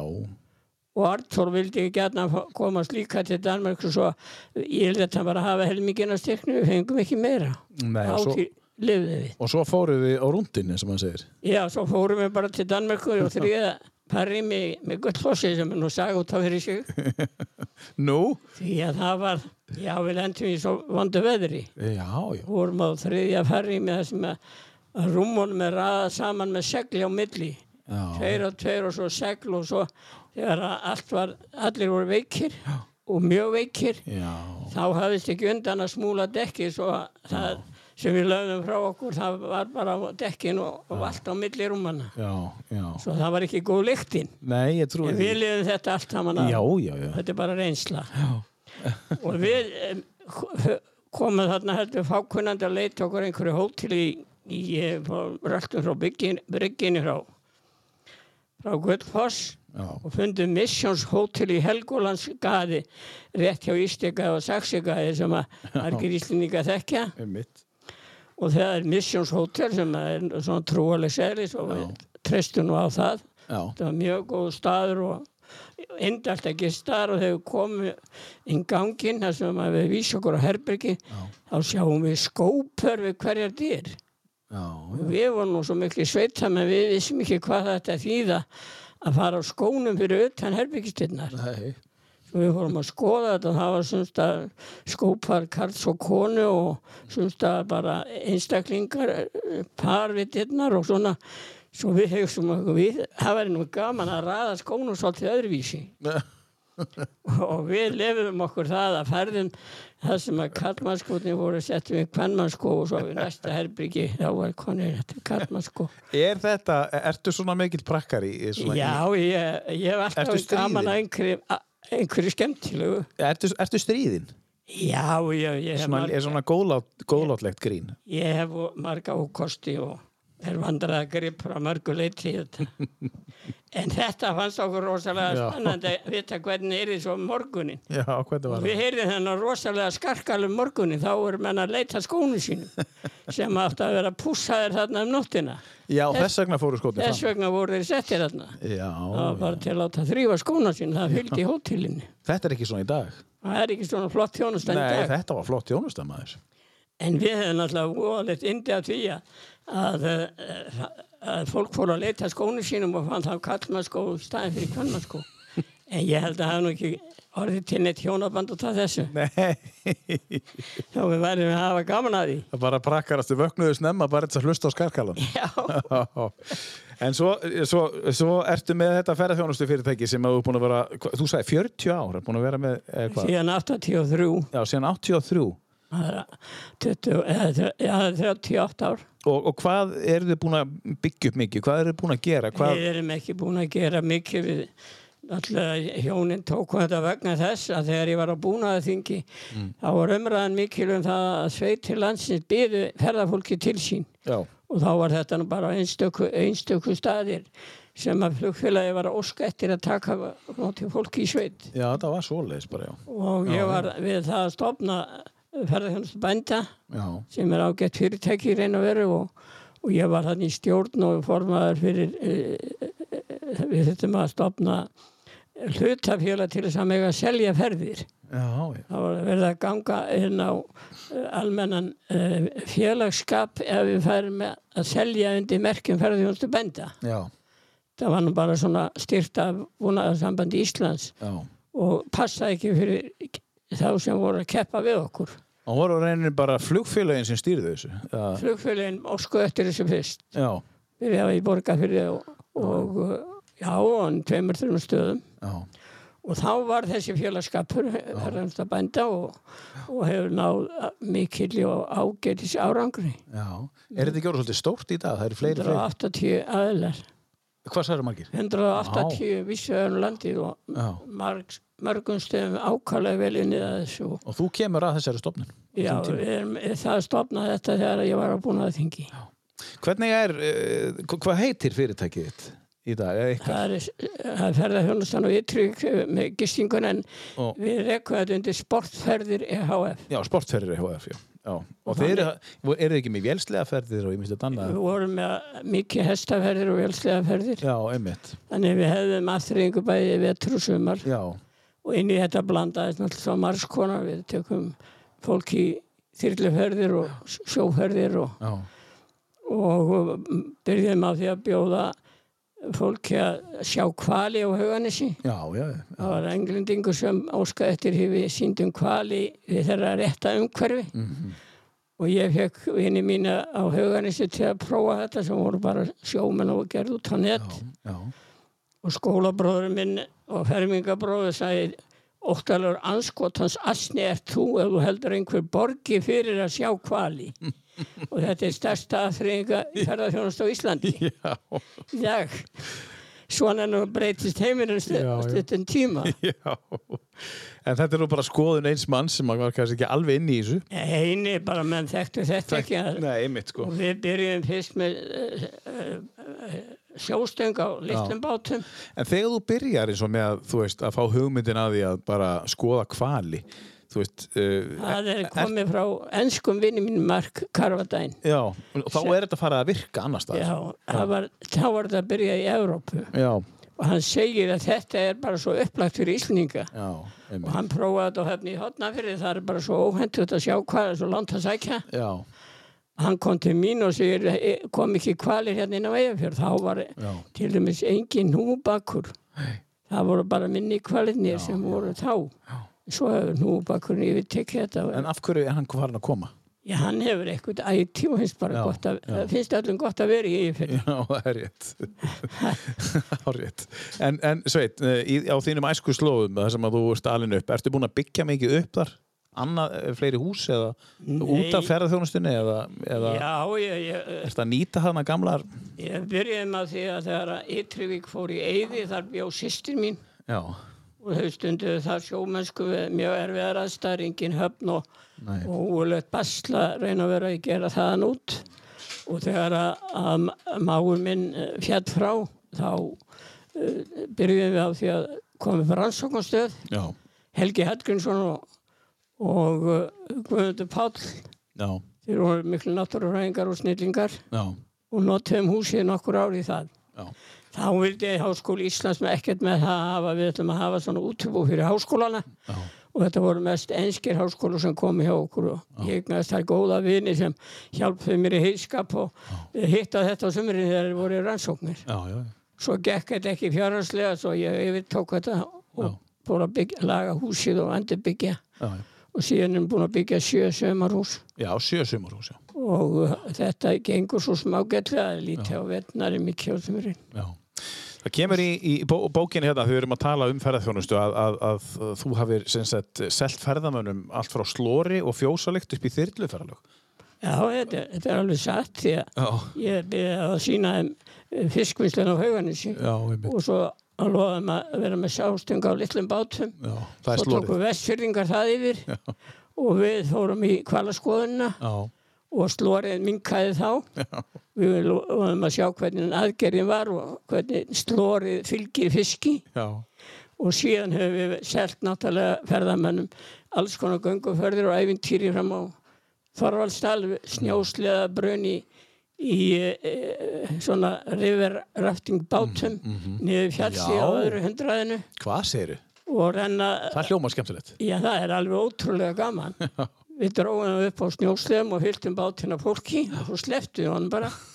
Svo fór hann bara í ringi niður á öðru hundraðinu. Ert þú búin að prófa þetta? já, margar ferðir auðvitað. Það er bara ofta sjálfur sér að til að prófa.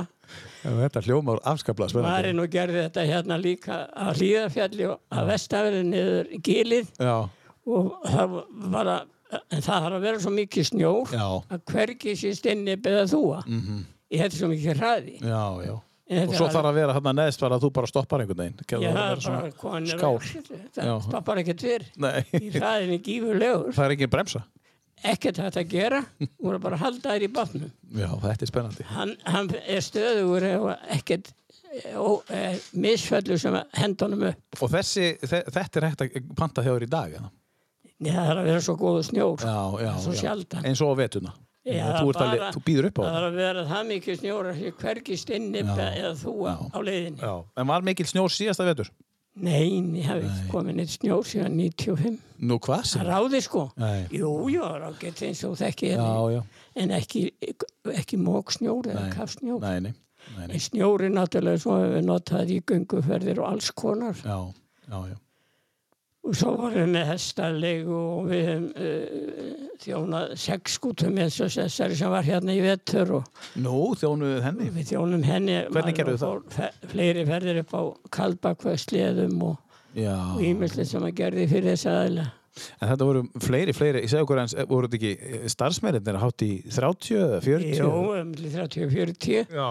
við talaðum jafnir yfir 40 Já, og þetta er náttúrulega einkennilega lífsmáti á þessari fjölskyldu, fjara manna fjölskyldu. já, og svo byrjuðum að búa til veiting á uppi Kaldbak og grófum inn eh, snjóhús Já. og þá komu veitingarna bara með þyrlu og, og mannskapurinn Já. til að grafa út húsin með Marino. Og maðurinn ekki orðin færtugur, að ég held. Marino er nú búin að finna upp á mörgu. Já, nei, sko, maðurinn eigandi skútunar ekki orðin færtugur. 38 eða 9 ára, ef hann er. eitthvað endi færtugu. Já, þetta er einstætt. Og hann Með er, 30 hérna starfsmenn margar, bara. hann er hérna margar vikur Já. og með allt þetta staff með sér um borð. Og þau, þau eru bara um borð. Þau eru bara í bátnum Já. og lifa góðu lífi og, Já. og leika sér og fa- fara í snjósliða Já. ferðir, hundasliða ferðir og Já. jöklaferðsur í langjökul og allt þetta Já. bara í þyrlum. Já. Já. Þessi ferðabransi og að skemmtilegur og margan. Já. Einu sinni þá ringir maðurinn og í mig og við með í þyrluflug. Það er indvergi sem er að borða á siglufyrði, indversk hjón. Og hann sagði þú mátt hafa þyrlunni svo vilt á meðan. Já. Og við rennum til S- siglufjörðar og það er íslensku flugmaður og hann flög með okkur inn í alla dalina uh, uh, Ólandsfjörð og Héðinsfjörð og Svarfaðardal við hefum hús fram í Þorvaldsal sem við höfum fyrir svona virkilega sportmenn Já. Og fórum í alla þessa dali til að skoða aðstöðun og eigur okkar Já. og svo borðum við á heldir í hafðum bara þyrlun á meðan Hvað er þetta að segja? þessi indveri hann hafði 87.000 manns í vinnu Já. og átti tvo flugvelli með öllum vélunum á Já. þetta var 2019 Þetta svona heimurinn Svona heimurinn, sko. Þa- Þannig að, þannig að Sveit, þegar símir ringir hjá þér, þá veistu ekkert hvað gerist. Það getur bara verið bara já, já, eitthvað ævintýri. það, það getur verið einhver sem er með einhvern e, e, hljóðvarp eða eitthvað annað sem er að forvitnast einhverju balvaðvillis Já. Já, eins og til dæmis ég. eða, já, eða einhver konungborin þetta nú heim Já, akkurat. Þetta er einstætt. og mér er svo gaman að þessu því að það hittir svo skemmtilegt fólk Já. ég var eins og statur í Östustrætti og þá allt einu kallað á mig og segi nei, voða gaman að þú ert koni í bæinn sveit ég verið að horfa og ég þekkti ekkert hverju voru þarna kringum og svo segi ég konu sem kom hlaupandi var að falli kona og, og segi mannstu getti mér nei, segi ég fór að virðana fyrir mér falli kona og ég man ekki eftir því. ég gisti hjá fyrir tíu árum Já. hvað segir þið svartu hjá mér og svona falleg kona og ég man ekki eftir þér og þá stóð náttúrulega eigin maðurinn á bakveða Já, já. einmitt. en sko, já, að fólk, þú getur ekki munað eftir alveg öllum, en, en þú svona reynir. ég, ég man bara ma, ma, margt ákala skemmtilt fólk Já, já, er... gleymi hinnum Já, já. það er einhverju sem er ekki eins og maður lafa og ég hef svo Já. margar sögur um ymmit ferðarfólki Já, ég heyri það, það er nóg til. já, já, margar Herru, ég ætlum að taka næst uh, einn, uh, einn félaga frá Danmörku sem er nú látin blessaði maðurinn, Kim Larsen. Uh, þú kynist honum þegar þú ert í Danmörku. Já, já, þetta er alveg eins og með Sven Ingvars. Já, Þetta var músíkin okkar sem við hlustuðum á mikið. Já. Og uh, ég á marga minningar náttúrulega frá skólanum og ennþá fleiri frá ferðarlegum. Við fórum um Vestur-Európu, tveir danir og tveir íslendingar já. og fórum við á lendum í mörgum æfintýrum.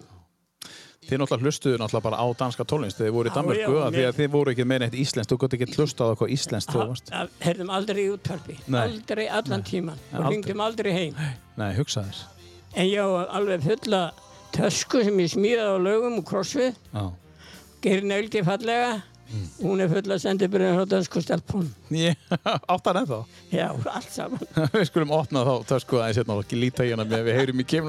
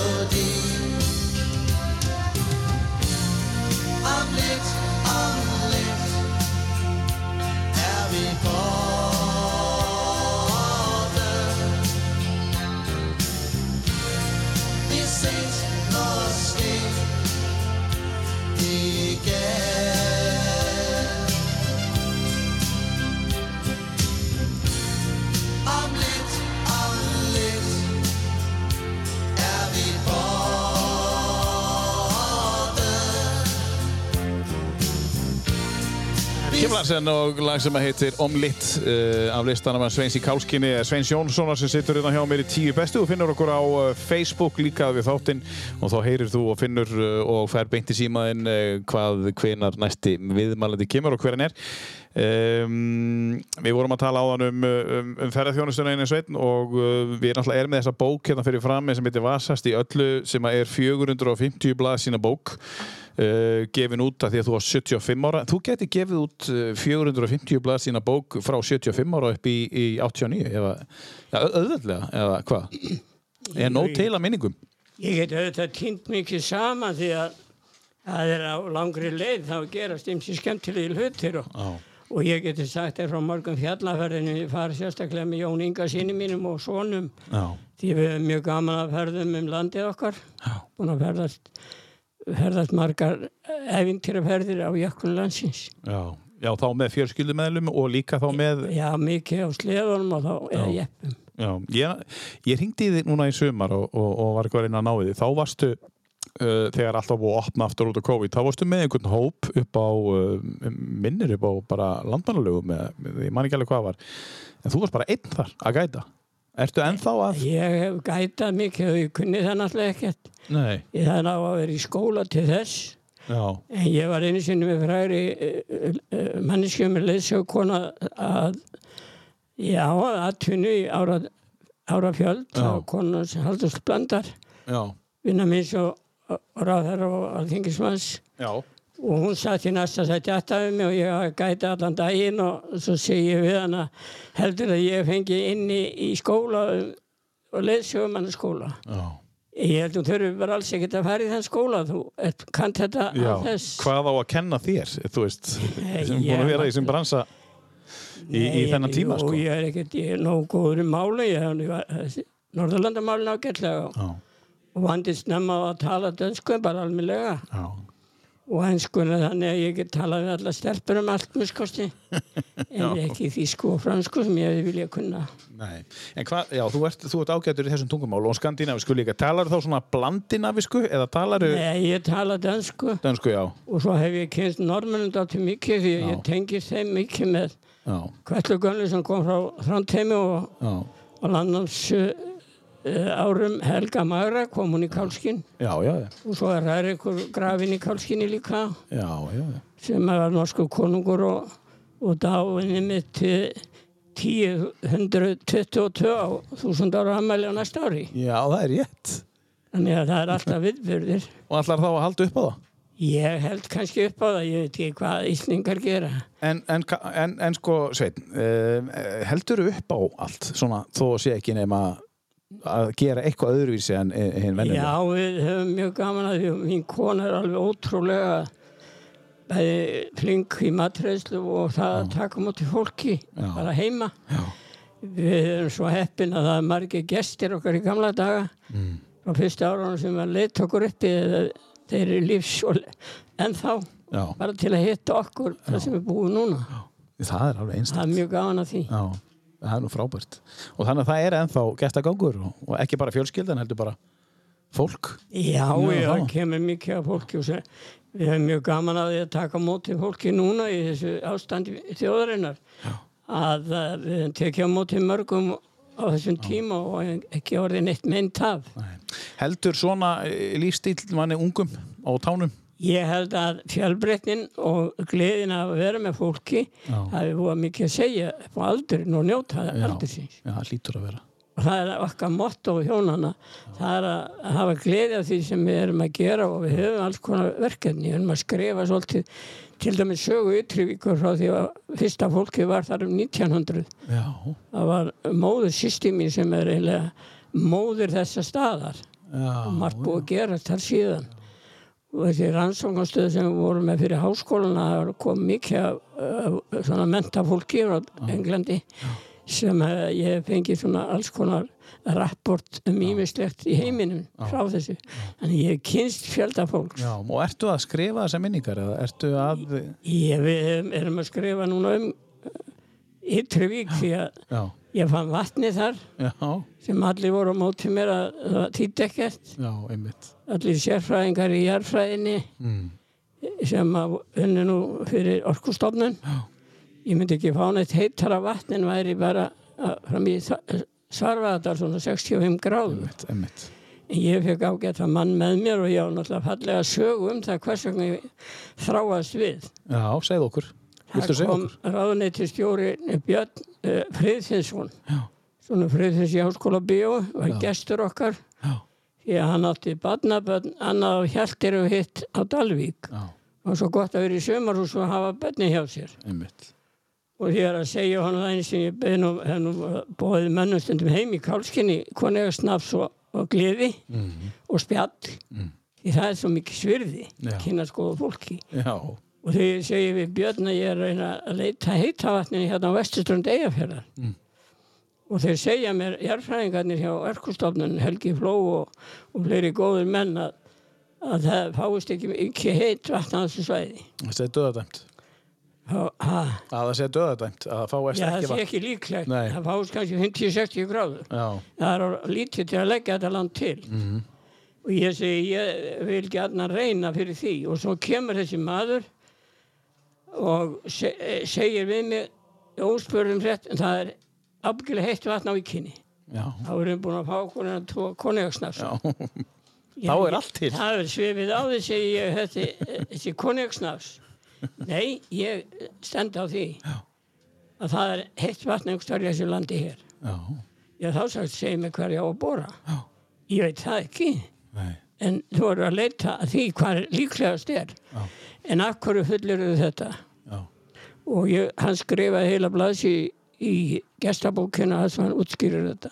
já, Þetta eru sömu þörungar hérna framann í bakkanum eins og klúku í Bjarnarfyrði og það er nóg heitt vatn og þeir vaksa aldrei nema það sem er heitt vatn. Svo ég þakka honum fyrir og segi nú ætla ég að fara með þetta í jarðfræðingana.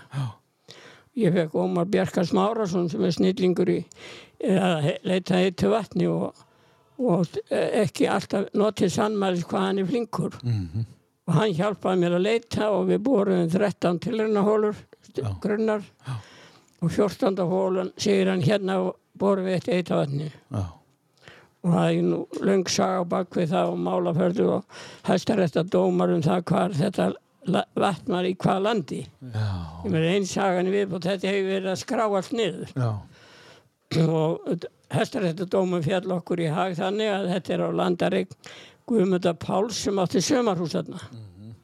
Þar fekk ég leiði til að bóra já, og í eh, 190 metrum tæplega eh, finnum við 82 gráð heitt vatn. já, sem átti ekki vera heitar en 55 gráður. Leggur til að það væri hvergi svona heitt vatn hérna á vestuströndinni. Nei, einmitt. Ég segi við hjalderingar, nú skulum þið bóra. Þetta er bein lína í stríturnar á Eyjafyrði. Mhm. þar sem er nóg heitt vatn.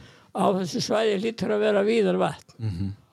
Þetta vatn á hjaldiri fyllir núna 65% af notkun ykkar hérna á Akureyri. Hvað er þetta að segja? Það er frá hjaldiri. Sem að þú, já, sem að var til, var sem er samskona vatn á hjá mér og stutt á milli og svo gaf ég Norðurorku vassréttindin en þeir borguðu með kostnaðin við að bóra og leita. Já, ekkert annað. Jú, og svo fæ ég fritt vatn í Já. tíu ár, Akkurat, í allt mitt. já, allt þetta. Þetta er samningurinn en ég vildi bara að samfélagi nýtti þess að heita vatni á að vera handa fleiri með einu manni. já. Já, þetta er mjög falleg saga eins og ætti að segja. Þetta er falleg saga. Þetta er svona og og þetta dæla núna frá Hjaltýri allavega 65% af vatnótkunni. já. Vá. Þetta er einstakt. Og er jafn, er Þarna jafn, út frá er heita vatni líka og, og, og það er náttúrulega, ég er búin að nota það er núna í 20 ári pottana hjá mér já, og heim í Kálskin og allt sem Já. ég, all hús sem ég er með, já, sumarhúsin og upp í Kálskinni, þetta er allt hjá húsin þar. já. Er þetta jafn heitt og 18 og er upp í kálkinni þannig í hjaldiri? Er það jafn heitt? 82 gráður? Það er 82 gráður í hólinni niður frá. Já, líka. Þannig að þetta er líklega sama æð. Eða? Þetta er, sa- virðist vera á sama, samskona vatn, Já. efnamælingum. Já, Þá er þetta á þessu svæði, svo boru hitta þetta Dalvíkur, rétt norðan við Hauganes og þau tekur vatn úr þessu sama potti. Já, og þetta verður allt til út af þessu, þessari 190 metra hólu, 14. hólu sem þið borðið. Þessi 14. hólu sem ég boraði. Já, Þá var ég búin að kanna allt í stórt svæði. já, Við hittast í úr já, Og þetta er ég búin að setja í bókum Ytrivík því að þetta er allt til langur kabli og svo, svo var kallað til hæstaréttur til að ganga á vettspang og allt og dæmi þessu. Sem að var dæmt þér í hæg. Það voru nágrannar mínu sem vildu kannski eiga þetta vatn Já. frekar en ég, en þannig var það. Já. Herri, þetta er fallið saga og, og, og, og hérna, við erum búin að vera að spila hérna undir kallakólin, kallakólin, eh, kallakólin, hreimrindar, uh, ensingur vornóttin. Um, ég fann ekki kallakól Dalvíkur, en uh, sem þú baðast um. En þetta er lag sem heitir Ensingur vornóttin. Þú kannast þetta? Já, og mér þykir búið að væntum var nóttina Já, og alveg að væntum að ég skuli ennþá að njóta hennar. já, einmitt. Já, já. Vor, ertu, er það þinn uppáhalds tími, vorin? vorin? Ég, það er allur ástímin, ég hef alltaf svo margt að gera Já, og alltaf notið allra ástíðana. Já, Jú, vorin finnst mér að skemmtilega og byrtan. já, já, já. Það er svona einhvern veginn alltaf, alltaf fara að stað og alltaf, já, alltaf. Já, það kviknar svo margt mér því svo væntum fugla og, og Já. fugla söngin og gróðurinn. Já. Ég tengi svona snemma. Sveitin, við ætlum að taka hérna lag með Kristjánu Argríms. Uh, viltu segja okkur aðeins um næturljóðu fjörðum? Uh, Já, þetta er nú vinkona mín góð og þau hjónin. Mm, og Kristján maður hennar er ferðatengdur mjög hann er mjög duglegur að gæta fólk og ganga. Já, já, og við höfum munnið saman að ymsu og, og mér finnst ferðarfélag Svartala vinna mjög gott verk. Já, og ég haf ekki ferðast margar ferðir og ég gengi með þeim að kannski núna síðast bara skíðaferðir því ég hef ennþá gana að reyna að rölda skíðum þá það fara allir fram úr mér Í dag, já, en ekki þegar þú vannst mótið Nei, á það, lögum. það er margar síðan Já, það fór enginn fram á þér þá. ekki þá, en það er vísi í dag Það er öðris í dag. Við ætlum aðeins að heyri í Kristjánu Argrímsdóttir lag eftir Böðvar Guðmundsson, næturljóð úr fjörðum.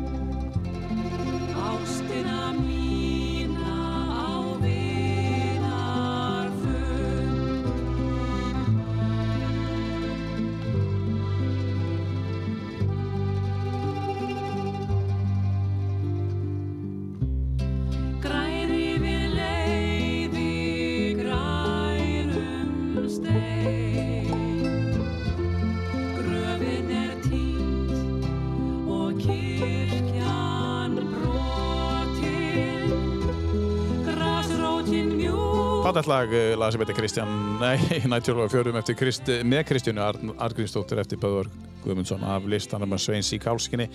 Það er svona að líða að uh, lokum hjá okkur sveitin. Mér langar eins að spyrja þig, ég kom aðeins inn á það í spjallinu áðan að fjölskyldan, hún er samrýnd. Já, þið eru duglega að gera eitthvað saman en svona stórfjölskyldan, hittist þið alveg? Þú veist, þá er það að segja líka þau sem búið Reykjavík og svona, er það reglulega eitthvað sem gengur og gerist? Já, við, um, ég, segi fyrir mitt lit það er náttúrulega það besta sem ég á það er fjölskyldan og, og mínu afkomendur og, og geta hist og þó sem ekki alltaf sammála um alla hluti og hvað stefnir Það á að geta að vera þannig. þá höfum við ekki æfi til þess að segja skoðun okkar og reyna að vinna úr því. Því það er eins og kona mín sagði stundum að konur vilja gerðan hafa frelsi. Og það er það sem það er dá. Og við viljum öll hafa frelsi til aðtapna en samt hann á saman til góðra verka og góðra hluta samin og við höfum reynd að fara saman í ferðir sem eru ógleimalegar Já, og uh, endilega segð okkur. ég, ég, það er náttúrulega að vimsa að taka en við höfum farið hérna innanlands í ferðir sem eru mjög skemmtilegar í svona tilefni ammæla og annað slíkt og, og uh, þegar eru tilli dagar hjá einhverjum fjölskyldum meðlumum en við gerum kannski oflítið að því því að mér að kenna eflaust vegna að það hefur oft verið mikið umleikis hjá mér og þá er ég ekki alltaf tilbúin að og ég vildi kannski vera meira með mínu fólki en við hefum notið feðgarnir að ferðast alltaf mikið á bæði á jeppum og snjósleðum sem er óborganlegt en það er standa upp úr við hefum tviðsarsinnum farið með fjölskyldunar í sólalandaferðir Já, já.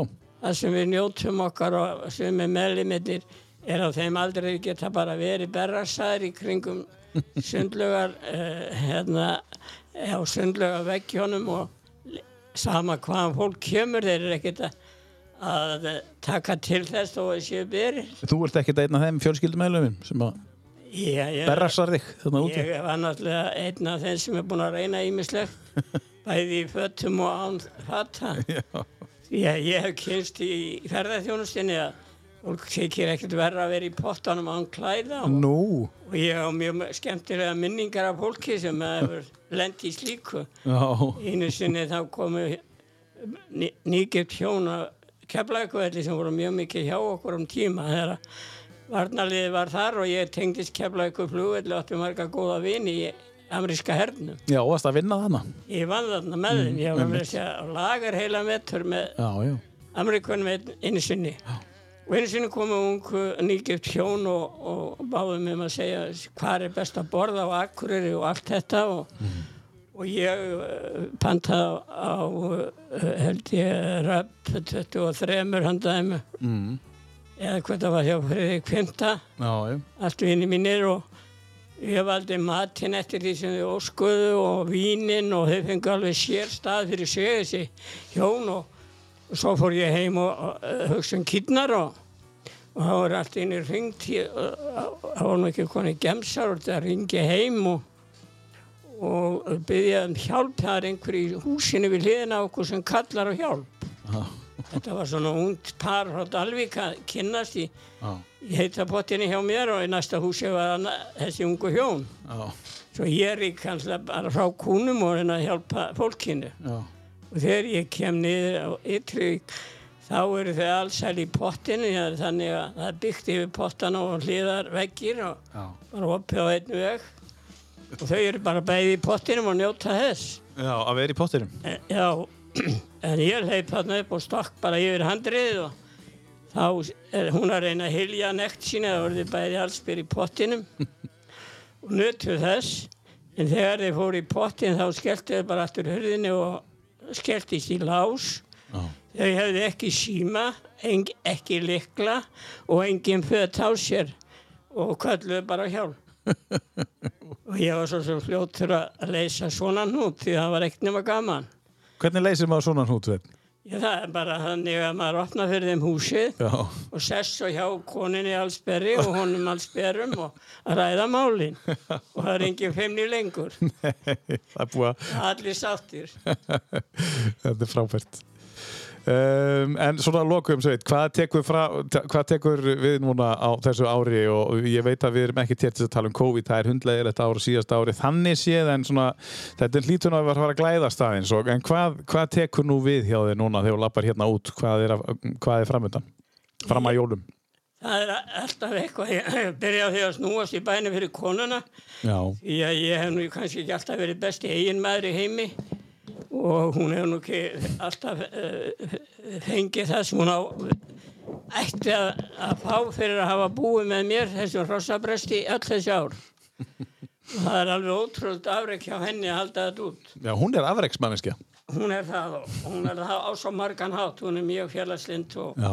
Og músikál sko, og, og nýtur sín líka að vera til. Ertu að fara að kaupa eitthvað handa henni núna í bænum? eða? Ég, ég, hef nú bara ná í rétt sem hún baði mig að ná og sem hún skrifaði um, um fæðingar uh, deildina á Akureyri því hún byrjaði þar, sitt starf og byrjaði með deildina Já, skrifaði um það hefti Mhm. sem er uppselt fyrir lifandi lengur eftir að hún það allt saman já, svo var við að byggja hana með hefti og náttúrulega sækja upp á fæðingadeild þá var það ekki til neins þar nei, það var ljósrið það handinni sérstaklega og ég var að sækja það. Já, þú veit að það er verkefni fyrir frúna núna maður. Já, það er alltaf verkefni og það er alltaf fullt framöndan ef við nennum að gera eitthvað.